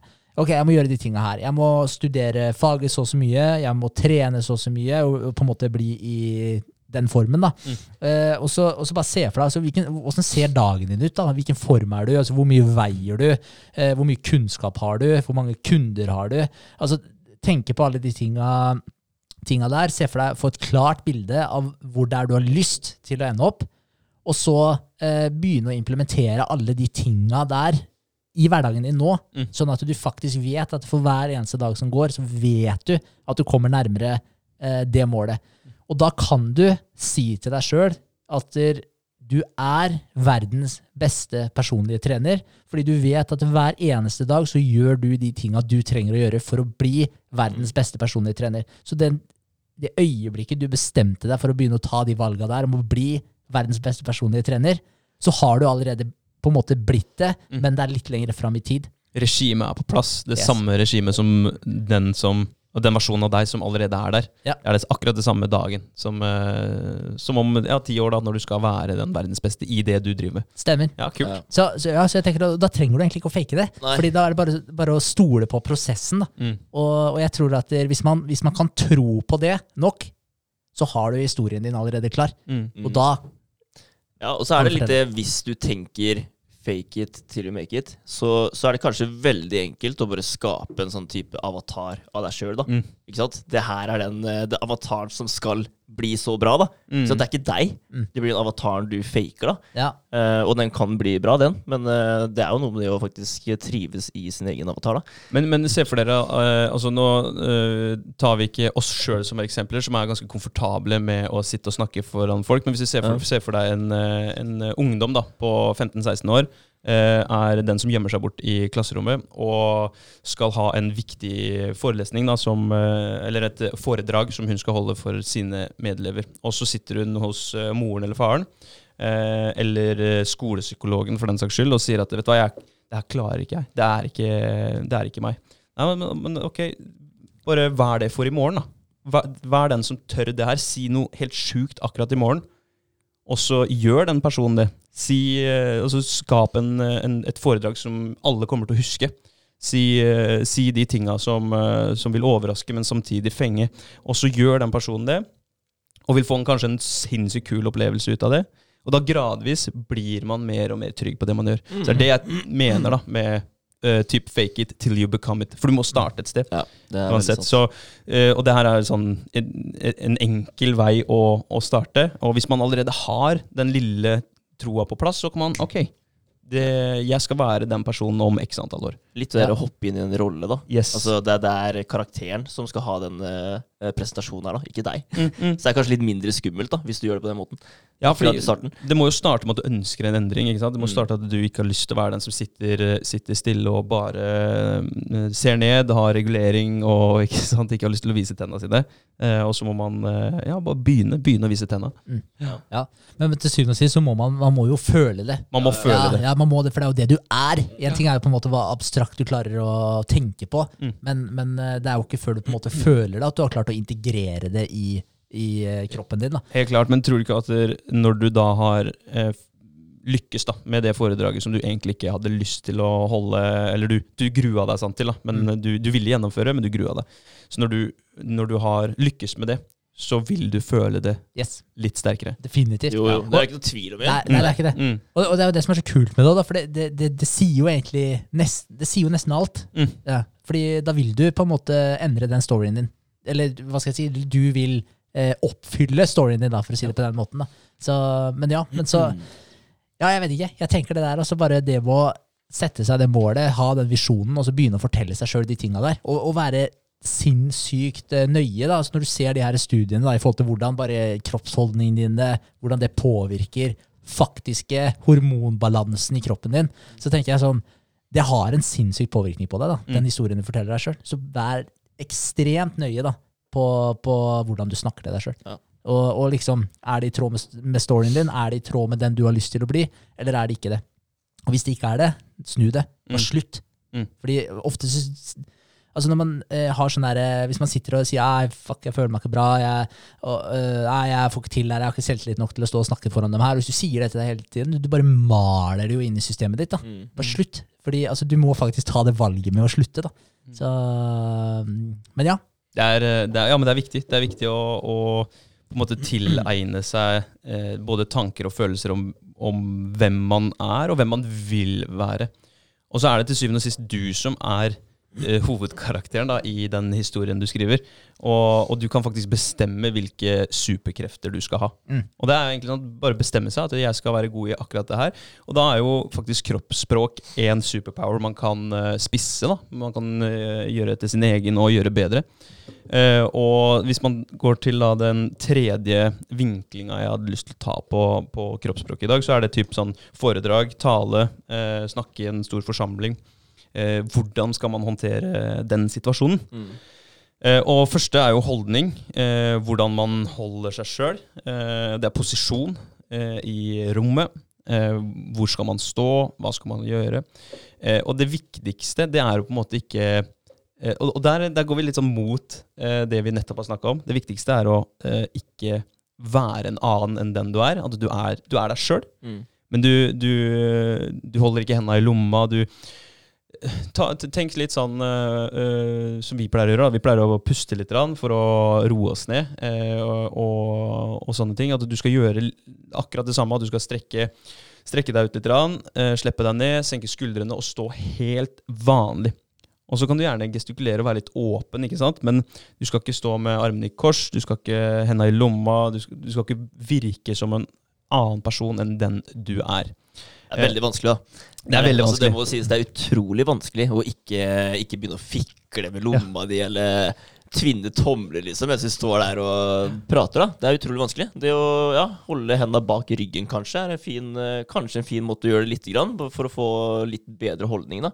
Eller bare Jeg vet ikke, men ikke jeg, jeg, jeg har lett for å krysse hendene foran meg, da. Ja. Ja. Og, det, og det er en sånn eh, greie som uh, man ikke skal gjøre. da. Nei? Ja, Hendene da- bak. Nei, henda foran eh, sk skrittet, liksom. Fordi da, da står du og beskytter, beskytter juvelene dine. Og det, det, er sånn, det, er uheldig, for da, da, er du, da er du usikker, da. Ja, men det er veldig enkelt da, for å ikke gjøre noe annet. ikke sant? For å stoppe deg sjøl fra å begynne å fikle med noe annet. da. Men, Det det. men jeg hørte også etter uh, altså, at du ikke skal ha hendene bak ryggen heller, og, og folde dem der. Ikke Fordi, gjør det? Nei, for du skjuler hendene dine. Og Ja, det okay. også er et, eh, er et eh, Jeg vet faen, det er liksom basically et tegn på at du skjuler noe, eller hva det er for noe. For folk liker å se hendene dine. Samme om du har hendene i lomma også. Ja. Skjuler hendene dine. Mm. Så, så at folk er på en måte uh, hva skal jeg si, tryggere på deg hvis de faktisk ser hendene dine, og hva det er du driver med med hendene dine. Mm. Men jeg hørte et tips da om en som, eh, en som også han hadde skikkelig problemer med det, hva, hva han skulle gjøre med hendene sine. Så han har en notatbok, en liten en som han har med seg. da. Og, og Før så hadde han noen notater og sånn på det, men nå har han ikke notater på den lenger. Han bare har den boka i hånda når han driver og prater foran forsamlinger, fordi da har han noe å ha hånda på. Mm. Og, da, og da trenger han ikke å drive og fikle og dytte hendene i lomma og, og være ukomfortabel. Så han har bare en bok, han. Liten Ja, bok. ja, men det er jo genialt. For det er, sånn, det er, litt den der Hva skal jeg gjøre med hendene når jeg For hvis man er to, da, for eksempel, og han ene prater, og han andre sier ikke noe der og da, hva skal du gjøre med hendene dine da? Mm. Ikke sant? For da, da, da kan du ikke eh, gestikulere, ikke sant? Mm. Da må du stå der eh, stille, da. Og er det, er det da greit? Og Jeg, jeg tror det, fordi da er ikke du i eh, spotlighten. Da, da har ikke folk fokus på deg. Så jeg tror ikke det er Det er ikke så viktig. Det som er viktig, er når du skal formidle noe. Ja. Fordi alt du gjør, forsterker eller motstrider din formidling. Mm. Eh, og, og det er også viktig da, når du skal formidle, at du ikke du, du er der for å formidle, du er ikke der for å overbevise. Eh, I en pitch, kanskje, men eh, det skal ikke på en måte mer enn én gjennomføring da, før at de er enige med deg og har lyst til å tro på deg. Mm. Du skal ikke måtte stå der og mase. ikke sant? Der du formidler ideen din, og den skal de ta til seg. Der, der eh, hørte jeg folk på, fra en eh, Var det Ed Milet som snakka om det? Det husker jeg ikke helt. eh, om det var han. Men, eh, men han snakka om det og egentlig akkurat de greiene der. Da, at du skal ikke prøve å overbevise folk. Du, skal bare, du må bare tro på det du prater om. Mm. Hvis du har troa på det. Du, du skal bare fortelle hvor jævlig troa du har på det du driver med. Mm. Og så ikke tenke at du skal prøve å overbevise dem. Han sa at når han, For han har jo drevet og solgt mye greier. da, Og han sa at når han skifta fra å prøve å overbevise folk til å faktisk bare fortelle Eller bare fortelle det fra liksom hva han følte om den greia her, da, hva, hva han syntes om det, så skifta det helt. Mm. Fordi de merka da at han trodde på det sjøl. Liksom at han, han, han, altså når jeg sier trodde på det, så mener jeg ikke trodde på bullshitten. Nei. Jeg mener Han hadde troa på produktet han snakka om. Genuint interessert og troa på det. Ja. Yes. Mm. Og, og det bare skifta hele gamet. da Så da prøvde han ikke lenger å, å selge det inn på den samme måten. da Han Mm. bare fortalte genuint hvor bra han syntes det her var. Mm. Og det er eh, Det tror jeg er verdt å ta med seg. For det er egentlig akkurat det du er inne på der. da Veldig, veldig viktig. Eh, hvis vi bare tar eh, holdning, for det, det er tre sånne bolker her da, i forhold til superpower, body language og type en pitch eller foredrag. Mm. Eh, så, så posisjon i rommet, sentrert, eh, hold deg fremover. Det verste du kan gjøre, er egentlig å snu ryggen til publikum. Mm. For da, da, da er du ikke interessert i å være der, da, da er du ikke interessert i de som sitter og hører på deg. Så hold deg fremover. Eh, ikke fremoverlent, men fremover. Åpen mot, mot de du snakker til. Eh, din audiens, de skal, de skal se deg, de skal, du skal ha øyekontakt med dem, og du skal i hvert fall ikke stikke derifra. For det er, eh, det er dumt. Eh, og så minst mulig forstyrrelser. Så hvis du eh, er på typ en skole, da, så er det jo ofte noen sånn type kateter eller eh, bord du kan stå foran, eh, og, og vinduer. Hold deg vekk fra det. Eh, sentrert, så sentrert som mulig. Og så ja, Spesielt unngå vinduer, fordi hvis du står foran et vindu, så kan du banne på at det skjer noe på baksiden av det vinduet der, som er mye mer ja, interessant akkurat der og da, og da, da mister du de du snakker med, da. Mm. Så har du gestikulering, og da kommer vi litt inn på Vegards uh, juveler, uh, og at han skal beskytte Mm. de. Uh, fordi det som skjer da, det er at du, ja, du står og faktisk uh, ja, forsvarer eh, dine fremtidige eh, Hva heter det? Barn? Barn? Nei, Ja, ja. ja, avkom. Ja. Eh, men og idet du skal gestikulere etterpå, da, så, så åpner du deg opp fra eh, Fra skrittet, fra liksom. skrittet. Så da blir, da da. blir du en blotter. Ja. Eh, og det er sånn underbevisste eh, ting da, som folk eh, kan på en måte oh, ja. Ja. Ja, det er klart det. Altså, Ja. da, du tar jo Ja, Da blir de oppmerksomhet, oppmerksomme på det, da. Ja. Man bare tenker Oi, hvor Der. er- svær er André egentlig? Det, hva, hva, var- ja, liksom ikke sant? hva var det han sto og gjemte der hele tiden? Så da bare titter de der. ikke sant? Know your audience. Ja Ja. Ehm, så, men også er det sånn at hvis du gestikulerer, hvis du bruker hendene dine aktivt, så husker unnskyld, husker folk eh, deg bedre, og det du sier bedre. Mm. Eh, og da skal du ha åpne hender, litt som eh, Henrik sa i stad. eh, Har du lukka hender, eh, lukker og gjemmer innholdet eller eh, håndflatene dine, så er det akkurat som om du skjuler noe. Eh, og så er det veldig rart hvis du skal peke, peke enkelte steder. Hvis du snur henda feil vei, da blir det litt sånn nazihilsen her og der. Så hvis du peker, så skal du unngå det-. Da er det åpne armer. Eh, og i hvert fall ikke pekefinger. Det er den eh, største på en måte eh, failuren veldig mange gjør da, når de skal fortelle en ting. Så, Ja. så pekefinger, det er sånn der, eh, da, da, har du, da har du gjort noe gærent. Da, da føler publikum at det Ja, hei, ikke pek på meg. Okay. Så Skal du, skal du vise til noe på skjermen, så, så viser Yes. du med håndflata? Med håndflata. Det er en større tillitserklæring enn den der. Ja. Ja. Så hvis dere husker den historien om uh, Bill Clinton og den damen han hadde et lite uh, utroskap med mm. uh, Når han fikk spørsmål om det greiene her, så var den fingeren oppe, og han hadde garantert uh, lips locked og shrugga på skuldrene samtidig.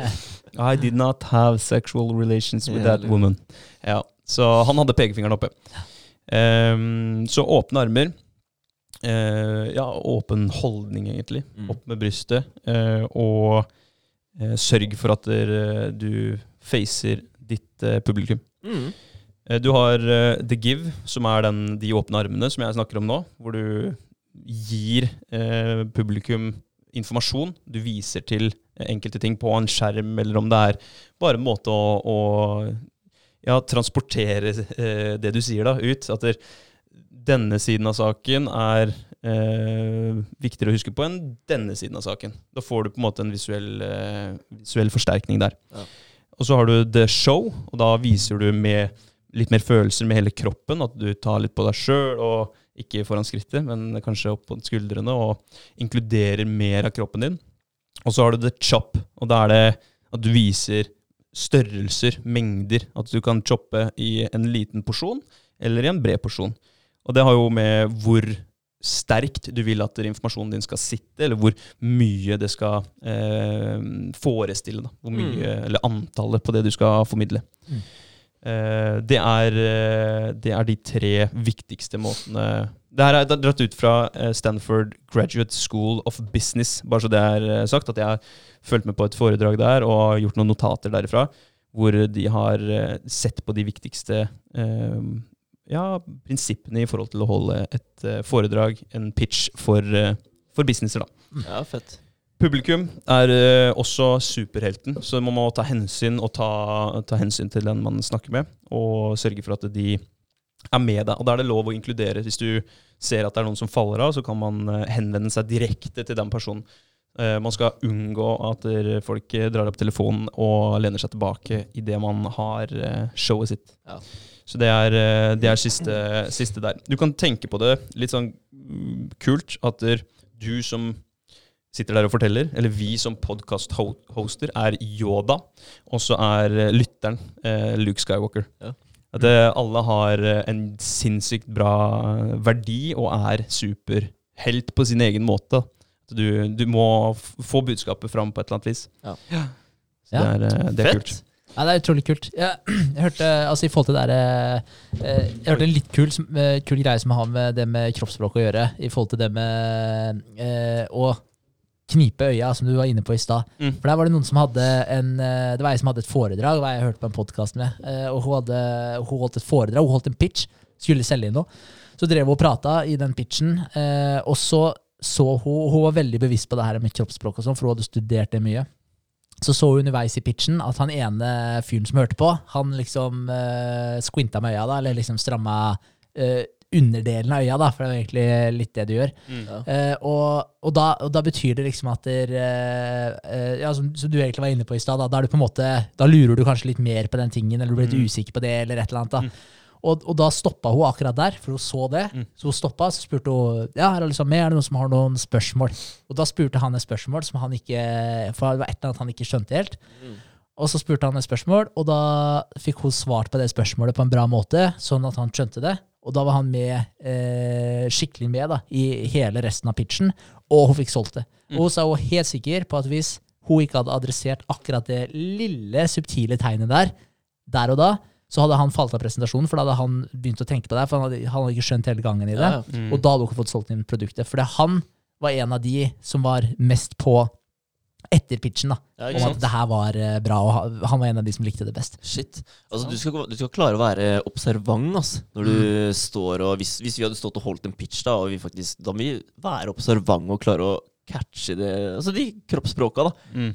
Klare å se alle tegna. Og da er det Det er så vanskelig. sinnssykt viktig da, å kunne det man snakker om. For, å, for å ha overskudd Ja. til å Ja. følge med på andre ting. Definitivt. Så istedenfor å stå og liksom lure på hva man skal si neste, og ja, knipe i øya igjen sjøl, Ja, for ja. da blir du litt sånn halvveis squinting. Ja, det gjør jo det. Men det, men det er sant, altså, fordi man er jo i en ukomfortabel situasjon fra før hvis man, hvis man står der og skal pitche foran noen. Mm. Så bare det å, som du sier, altså være såpass trygg på, på stoffet ditt at du har muligheten til å observere hva Det handler jo om kapasitet. Det gjør det, Det gjør helt klart. Ja. Ja, ja. Nei, det, er, det er interessante greier. Og hvis vi bare tar sånn kjapt eh, helt til slutt, da, sånn selvtillitsmessig og, og det å eh, Ja, jeg, jeg lagde meg en liten kul setning. da, Ta rommet, eller så tar rommet deg. Mm. Og det er, eh, det er den derre eh, Vise at du er trygg. Det, det er det det handler om. Den holdninga. Han George Clooney som eh, ruller ut på den røde løperen og, og viser at det her er min setting. Jeg har rommet. Jeg er trygg på at alle skal ta bilder av meg. Jeg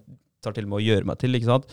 Eh, og det samme på bussen, da, Berger. Når du titta ned og gjorde deg kanskje litt mindre, ikke viste, viste tenna dine til de rundt deg. Eh, det er jo det stikk motsatte. Mm. Og, og det, det er flere ting. da, Du snakka om henda i ansiktet. Eh, fikle med ting. Jeg har en penn som jeg, det er en skikkelig dårlig uvane. Og jeg vet ikke om det er med, med at det er eh, u...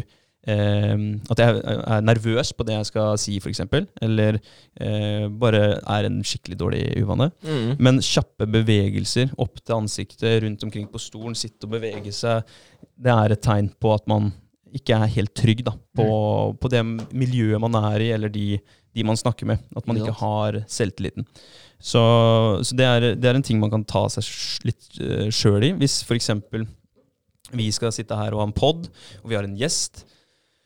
Og, og vi sitter her og ja, alle sammen er liksom litt sånn her og flytter på seg og ikke helt er komfortabel i posisjonen sin, så vil gjesten merke det, og vil kanskje også, også adaptere det litt og bli litt stressa, og da heller ikke like trygg på det han skal formidle. Og kvaliteten på poden vår kan eh, senke seg da. Helt klart. Eh, kjappe bevegelser. Eh, pitch på stemmen. At du har eh, en litt høyere, lysere stemme enn det du vanligvis har. Vi har jo snakka om å trene tunga før. Det er ganske lenge siden nå, så det er greit å ta en liten recap på det. Og så har du også eh, kadens i hvordan du snakker. Eh, og kadens, det betyr eh, Hvis du løper, så er det steg per minutt. Hvis du snakker, så er det jo da ord per minutt. Så styre eh, kadensen litt, at du ikke bare fosser ut da, med informasjon. At du er såpass trygg på både deg sjøl og det du sier, at du kan, du kan styre tempo. Det er du som, eh, som eh, setter samtalen. Mm. Eh, og det, det er, jeg vet det er litt ut av kontekst i forhold til kroppsspråk, men, men det henger litt sammen. Fordi du utstråler en eller annen eh, selvtillit når du sitter i ro og snakker i et tempo som du har kontroll på, og du er på personlig komfortabel med. Um, og så har du en annen ting da, som er litt interessant, hvis dere har hørt på spesielt eh, amerikanske jenter, eh, type influensere og sånt. Nå, det er sjelden jeg hører på det, men jeg, jeg, jeg kan se det for meg, og jeg kan høre det for meg. Jeg hører det for meg nå. Ja, sånn uptalk. Ja. Du, Ja. du, ja. You're just uh, talking like this, and everything, uh, every sentence you make, uh, it stops with a question. Ja. It ends with a question. So Mm. everything ends with a pitch that's higher. Ja. So Mm. everything sounds like you're wondering what's going on. Yeah. ja, Ja, det er fake, liksom. Yes. Ja. Det er veldig, veldig stor forskjell på å si at der, jeg har troa på det her, enn Mm. jeg har troa på det her. Ja, at du, at du avslutter ned, liksom. Avslutter dypere. Dypere. Ja. Så det er sånne småting man kan ta med seg helt på slutt av, eh, av eh, min kroppsspråkseanse. Kult. Nei, men Ja, altså, bra. ja, utrolig, utrolig mye fett. Eh, jeg tenker det der eh, i forhold til det med å være bevisst på at man sender ut informasjon hele tiden også. Mm. Fordi du kan ikke bare sette den på pause. Det, det går ikke. Du kan ikke trykke stopp på informasjonen du sender ut. Du er en transmitter. Yes. Ja, er jo det. Og det er du hele tiden, da, konstant. Og, og en annen ting også er jo når du møter folk for første gang. Du, du gir et førsteinntrykk. Mm. Og det er jo kroppen i de ser først. Det er akkurat det det er. Ja. Så, så det har veldig mye å si. Jeg pleide å tenke før, altså jeg, jeg gikk i mye sånn shabby klær, liksom, for jeg digger, altså jeg digger joggebukse og hettegenser. Det er liksom, jeg syns det er dritchill eh, å gå i. Eh, men så, så ble jeg mer bevisst på det senere, fordi ja, jeg syns det er chill, da. Men altså, hvilket, hvilket bilde er det jeg sender ut av? da? Og det er ikke det at jeg skal sende ut et bilde av at liksom, jeg skal gå i merkeklær osv. Det har ingenting med det å gjøre, men det har noe med at hvis jeg møter en person som kan være betydningsfull for meg senere, så har jo ikke jeg lyst til å se ut som den shabby jævelen som går på butikken, liksom. Da vil jo jeg være hvor, altså, Hvordan ville jeg kledd meg hvis jeg skulle møtt den personen her i utgangspunktet? Mm. I hvert fall ikke sånn. Nei, ikke kle deg sånn til vanlig heller, for du vet aldri hvem du møter, øh, møter på.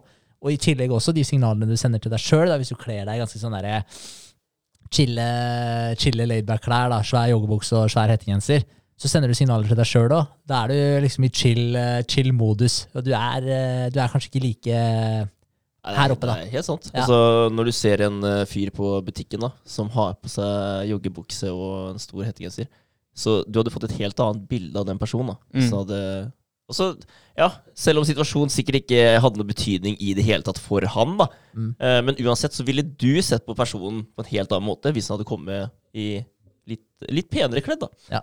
Det er et godt poeng. Det skal jeg ta til meg. fordi jeg sitter ofte i, i chilleklær hjemme og jobber. Og da kanskje man er litt mer avslappa når man jobber i tillegg. da. Ja. Men jeg er veldig glad for at jeg jobber med trening. Fordi da er eh, Det er meg i mitt element. da. Så hvis jeg går på butikken i treningstøy, så er det ja, det er sånn jeg går. Men det, er veld, det er veldig stor forskjell da, på en, på en treningsshorts og, og en hettegenser, liksom. Ja, det er sant. Eller om du går med hettegenser og en svær, eh, svær joggebukse. Ja. Det er to forskjellige ting. Ja, altså. ja. Den der buksa du bruker når du maler og sånt, nå, den Ja. skal du ikke gå med så veldig mye. Nei. Men, eh, nei, men, men det er jo igjen da, litt eh, tilbake til den her historien du forteller eh, om deg sjøl til deg sjøl. Det, det, er jo- det er jo den greia der, det jo. Mm. Kler du deg shabby, så forteller du eh, basically deg sjøl indirekte at du er litt shabby. Mm. Så, så ja, være bevisst på de, på de tinga der. Ha, Begynne å handle klær, altså. Ja, så Starte der. Sofie har tatt et oppgjør med meg altså, fordi jeg gikk så mye i joggebukser og shit. Da, så Ja. bare grå joggebukse, det, det kommer ikke på tale, liksom. Skal Nei. du gå i joggebukse, så får du være svart, i hvert fall. Jeg er bare sånn, ja, fair enough. Når jeg ser ja, ja, Nei, når, jeg, ja, ja. når jeg ser grå joggebukser rundt omkring nå, så er det sånn der, ja, det er faktisk ikke så jævlig sexy, ass. Det er mange jenter som syns det er sexy, da. Med grå joggebukse. Ja. Eller har jeg bare lagd meg en egen Det er sikkert mange der ute som syns det er deilig. Det. Nei, jeg send inn en melding hvis du syns det er sexy.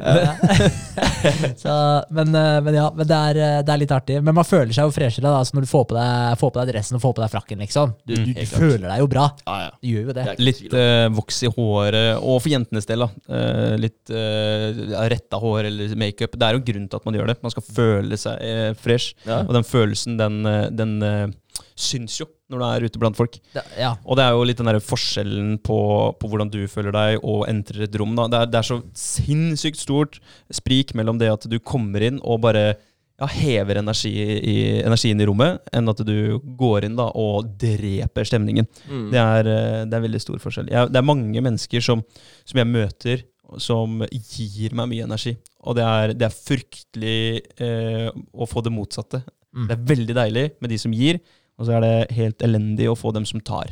Så da må man måtte, ja, gjøre det beste sjøl òg, da. Ja. For å gi energi. Ja, det er veldig sant. Men det må også sies da at eh, de som eh, faktisk eh, driter i da, eh, hvordan de er kledd, og samtidig klarer å bare naile stilen. Altså, du ser at selvtilliten er så mye høyere enn det de faktisk har på seg. da. At Ja. det ikke har noe betydning for dem, for de vet at de jeg er helt jævlig awesome uansett. Ikke sant? Det er ganske kult å se det òg.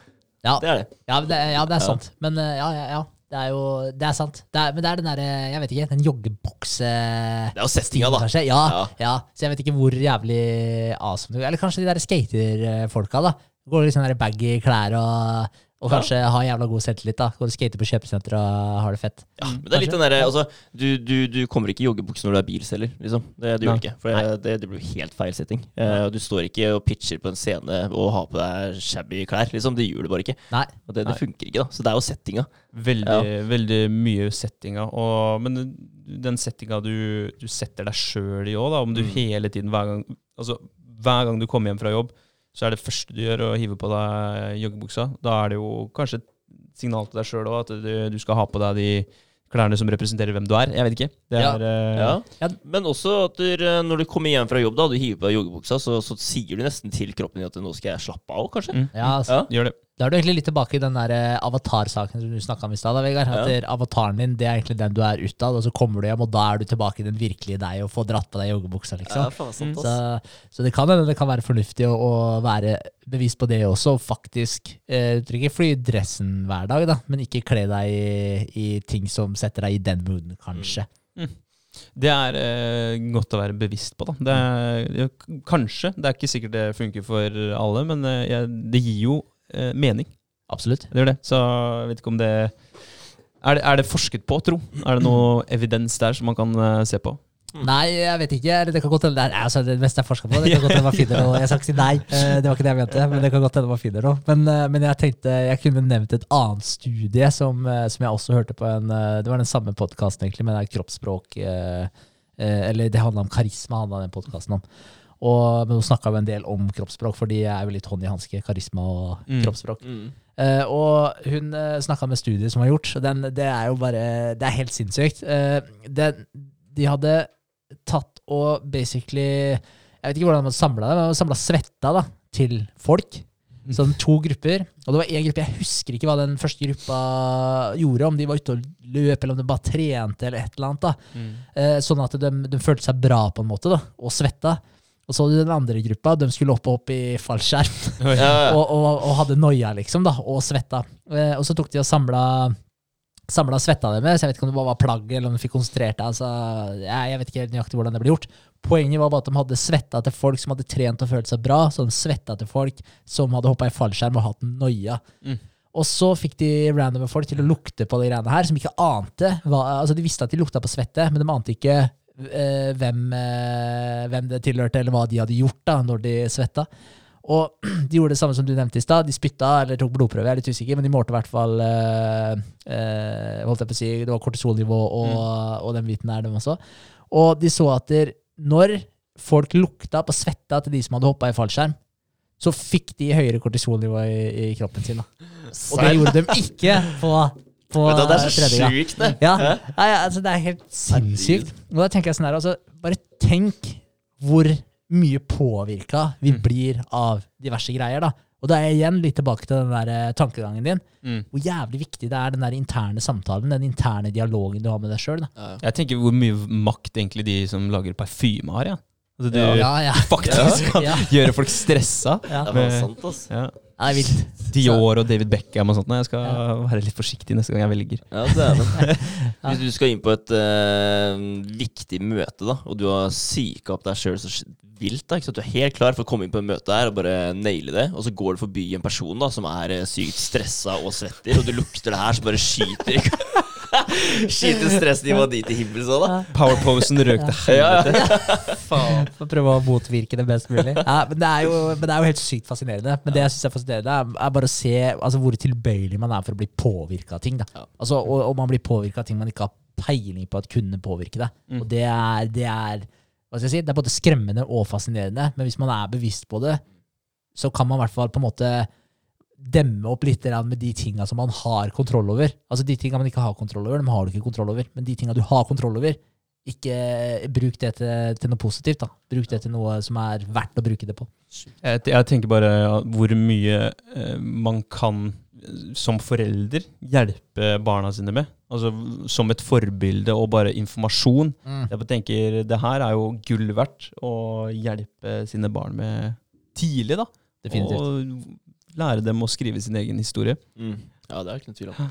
Så nei, det, det er vel egentlig det jeg vil avslutte med. Ja. Utrolig mm. kult. Mm. Eh, Ja, det var bra der, altså. ja, Ja, bra, Veldig det. mye bra å ta med seg. Ja, de- Tida gikk kjempefort òg. Det Ja. liksom 1 time og 40, og det er jo en normal pod, det. Ja. Helt klart. Kult.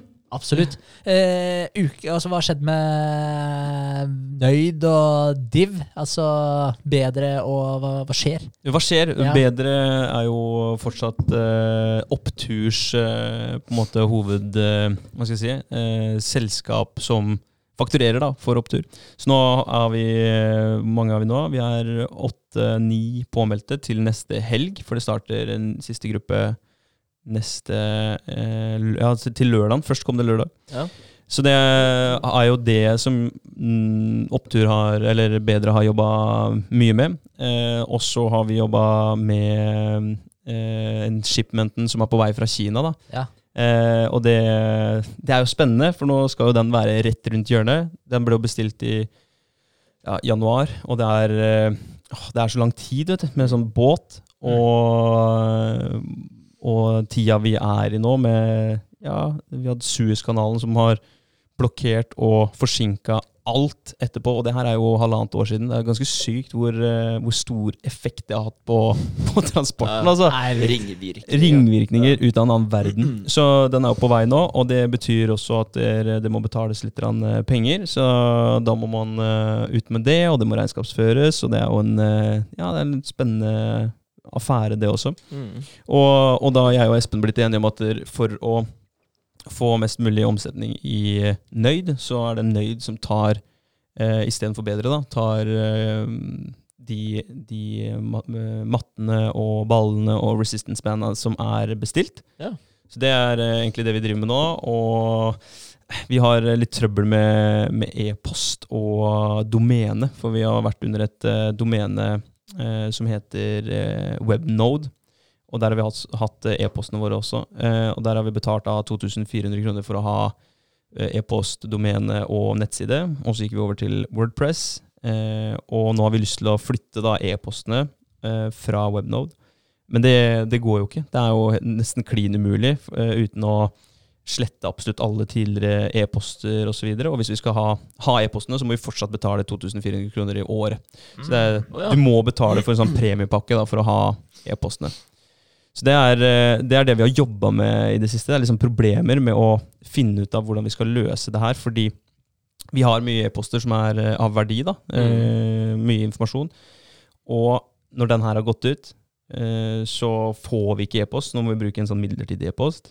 Eh, og skal vi måte få den e-posten aktiv igjen, så må vi betale for hele pakka. Premiepakka. Ja, ikke sant? Men det, det er noe vi også skal gjøre. Eh, han eh, som eh, setter opp eh, nettsiden vår, han skal også flytte eh, e-postene våre. Vi bruker von.com. og ja. Det skal bli flytta til eh, et annet Ja, jeg vet ikke hva han skal flytte til. En annen server, liksom. Ja. Ja.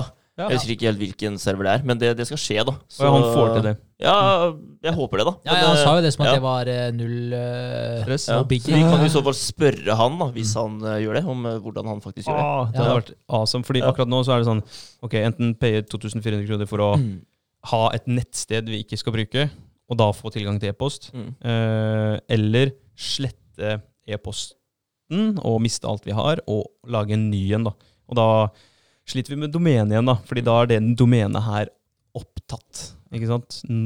Alfakrøll.noid.no. Mm. Ja, sånn, ja. Så ja, nei, det er en problemstilling da som vi har jobba med. Mm. Eh, og så er det jo da å få eh, solgt eh, mattene via, via Nøyd, og for å få omsetningen i selskapet og eh, penger til å videreutvikle. Så det er vel egentlig det vi har jobba med siden sist. Mm. Spenstig. Fin, fin Ja. måte å skaffe penger til eh, videreutvikling Ja. på. da. Ja, Det det er det. Altså, vi, må, vi må få inn litt mer. Eh, og jeg er jo i gang med samarbeidet med Nivå, og Pollis er jo fortsatt oppe og går. Eh, han, ute på, han Murtnes ute på Sølvfeltet er oppe og går. Så er det egentlig tre stykken. Mm. Så må vi egentlig Vi må bare få flere inn og, og bruke. Og med, nei, du sa det, Pollis. Ja. Pollis. Ja. Pollis er med. Eh, Murtnes eh, Nivå. Og vi har jo også tenkt litt på flere alternative veier å gå. Da. Litt sånn som dere har gjort med BNB, eh, Bed and Breakfast for hestene. Eh, og en, en ting er eh, sånne abonnementsløsninger som jeg har snakka om tidligere, med, med litt eh, helseprodukter. Eh, eller eh, faktisk kjøpe litt eh, greier å ha i appen og selge ut derfra. Så vi får se litt hva vi velger. Mm. Fett. Dere er boys. Det har skjedd eh, litt av hvert, da. Ja, Ja. det har det. Uh, du kan si det, du, hvis du ville. Ja, det er det samme, det. ja, vi, har jo, vi holder jo på med egentlig to parallelle løp nå. Nå er det utvikling på, på Airbnb, holdt jeg på å si. da. Eh, Horse BNB, altså Ja, vi, har- det er ikke det det heter. Det er ikke det. Nei, for det er noe annet som heter Horse BNB. Bare Ja, det er egentlig dumt at vi sier det. Ja, vi må Det er- slutte å si det. Det er ikke det. Korttidsleie Ja. og langtidsleie egentlig for hester. Ja. Eh, som vi skal integrere på, på nettsida. Men dere har ikke et uh, type produktnavn for det? Bare, nei. Det er bare Det er booking. Ja, altså det, det er jo under Nutriors, da. Ja. Okay, Nutriors booking. booking. Ja. Nutriors booking. Ja. Eh, så det blir veldig spennende. Så han eh, jobber jo bra der, og det begynner å ta form. Så det Ja. begynner å se bra ut. Eh, gjør det. Og så parallelt så har vi jo Så er det en oppdatering på Android. fordi nå er ikke appen vår kompatibel med Android 12, Mm. så vi måtte oppdatere noen greier nå. Og da skal vi Ja, da gjør vi noen andre småting også, da.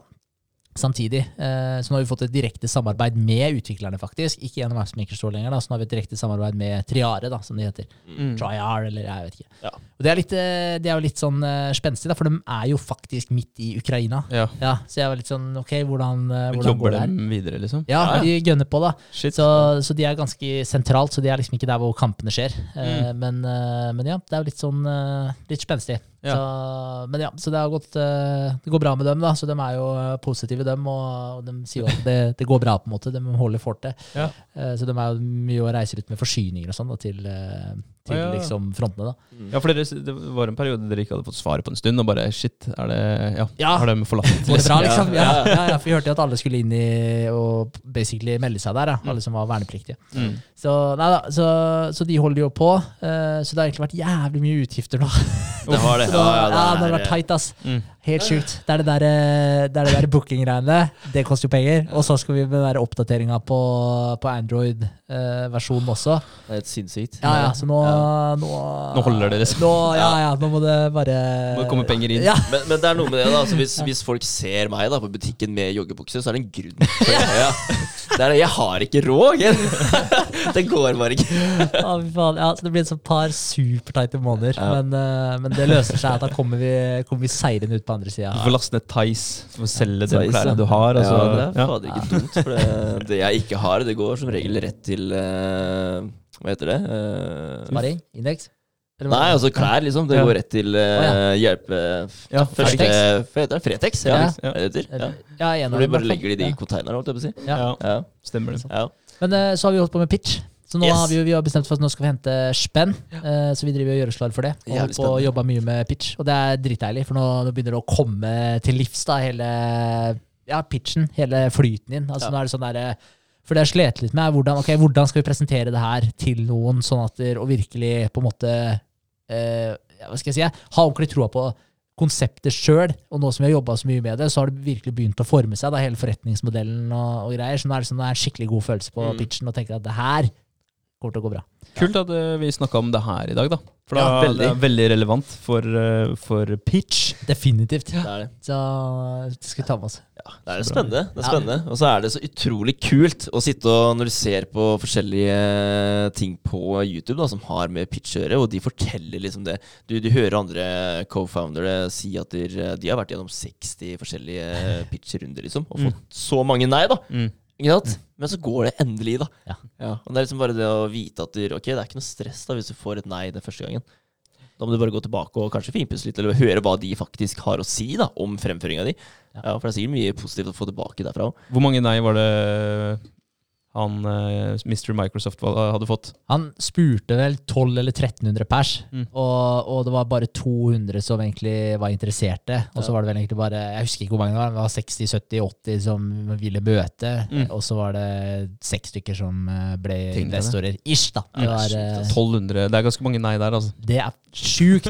men, men det som er litt kult, for jeg hørte en, eh, en, eh, en god Hva skal jeg si uh, i forhold til eh, ja, det var på den der uh, How to start a startup, egentlig. Eh, den, den bør alle som holdt jeg på å si, har lyst til å starte et selskap, da. Den burde høre på den serien der. Ja, ja. Dritkul. Veldig mye god info. Det er fra Stanford. Og der var det en som sa at hvis du ser for deg Altså, du har jo en sånn der normalfordeling på hvor folk er hen. da. Du har early adopters helt til venstre, og det er dem som er villige til å teste ny teknologi og villige til å hive seg med på lasset. Altså, de takler et produkt som ikke er fullkomment ennå. Det er på en måte early adopters. Mm. Og så har du early majority, og det er jo der alle har lyst til å komme over. Um, fordi early adopters det er bare 2,5% eller noe sånt. Og så har du early majority, som er sånn Jeg husker ikke hvor mye det er. 35-40 40 Ja. et eller annet i den Mm. Kanskje mer òg. Kanskje 50. Ja, Ja, den der bølga der. ja, et eller annet. Jeg Si 40, da. Og, og, så der kommer liksom early majority. Så det er å, hoppe, å komme seg over fra early adopters til early majority, det er da produktet ditt begynner å virkelig rulle på. da. Og så har du late majority, og så har du den der laggards til slutt. da, De som på en måte fortsatt har Nokia 3510 uten fargeskjerm fordi de hater smartphones. da, De er liksom helt på slutten der. da. Men det som han sa, det var at der, hvis du tenker på at de 2,5% da, early adopters, det er dem. Det er, det er de som sier ja til produktet ditt. Mm. Og da, og da er det bare å tenke at da er det et numbers game. Så, så Ja, ja. det er sånn der, Jo flere du spør da, før eller siden så vil du treffe igjen på den 2,5-en, og det er, det, er den, det er dem du må overbevise, for det er dem som er, de er villige til å hive seg med på, Mm. på ideen din, da, fordi de er i den kategorien som en early adopter. Og, og det er faktisk eh, Hva skal jeg si, det er veldig noen kan tenke på det som veldig demotiverende, men det er faktisk veldig motiverende å tenke på. For det er bare å tenke på sånn, av, av hver hundre du spør, så er det egentlig to og en halv person da, som egentlig kanskje er interessert i å hive seg på. Ja, Da. så det betyr at eh, har du ringt ti, da, og de, de, de sier nei, så kan du ikke gi opp. Nei, du må ringe Altså, det er ingenting, da. Nei, nei, det, er, Ja. altså, det er så lite, liksom. Det er, eh, du, må, du må forvente at du skal ringe noen hundre stykker, ja. Ja. Så det, men det å bare få det fortalt, da, Mm. det hjelper jo veldig. veldig Enn at du faktisk skal ringe der, eh, ring, ringer inn til eh, ti personer, du får, du får de nei-a, da, og så, så har, har ingen Du har ikke hørt det noe sted, eller ingen har sagt det til deg, da, at du- må regne med å måtte ringe veldig mange. Mm. Da er det lett å gi opp. ja, definitivt. Ja. Så definitivt. de er veldig fine å se på den videoen der, fordi du får den der inputen da, som du faktisk trenger å høre før du skal enten selge produktet eller kjøre en pitch. Da. Mm. Ja. How to start a startup. Jeg Ja. tror jeg har, eh, har sett eh, en episode av de før. Veldig kult. Forelesning-ish. Ja, ja, Ja. ja. det er type forelesning. Ja. Så utrolig kult. ja, det er det. Mm. det, er det.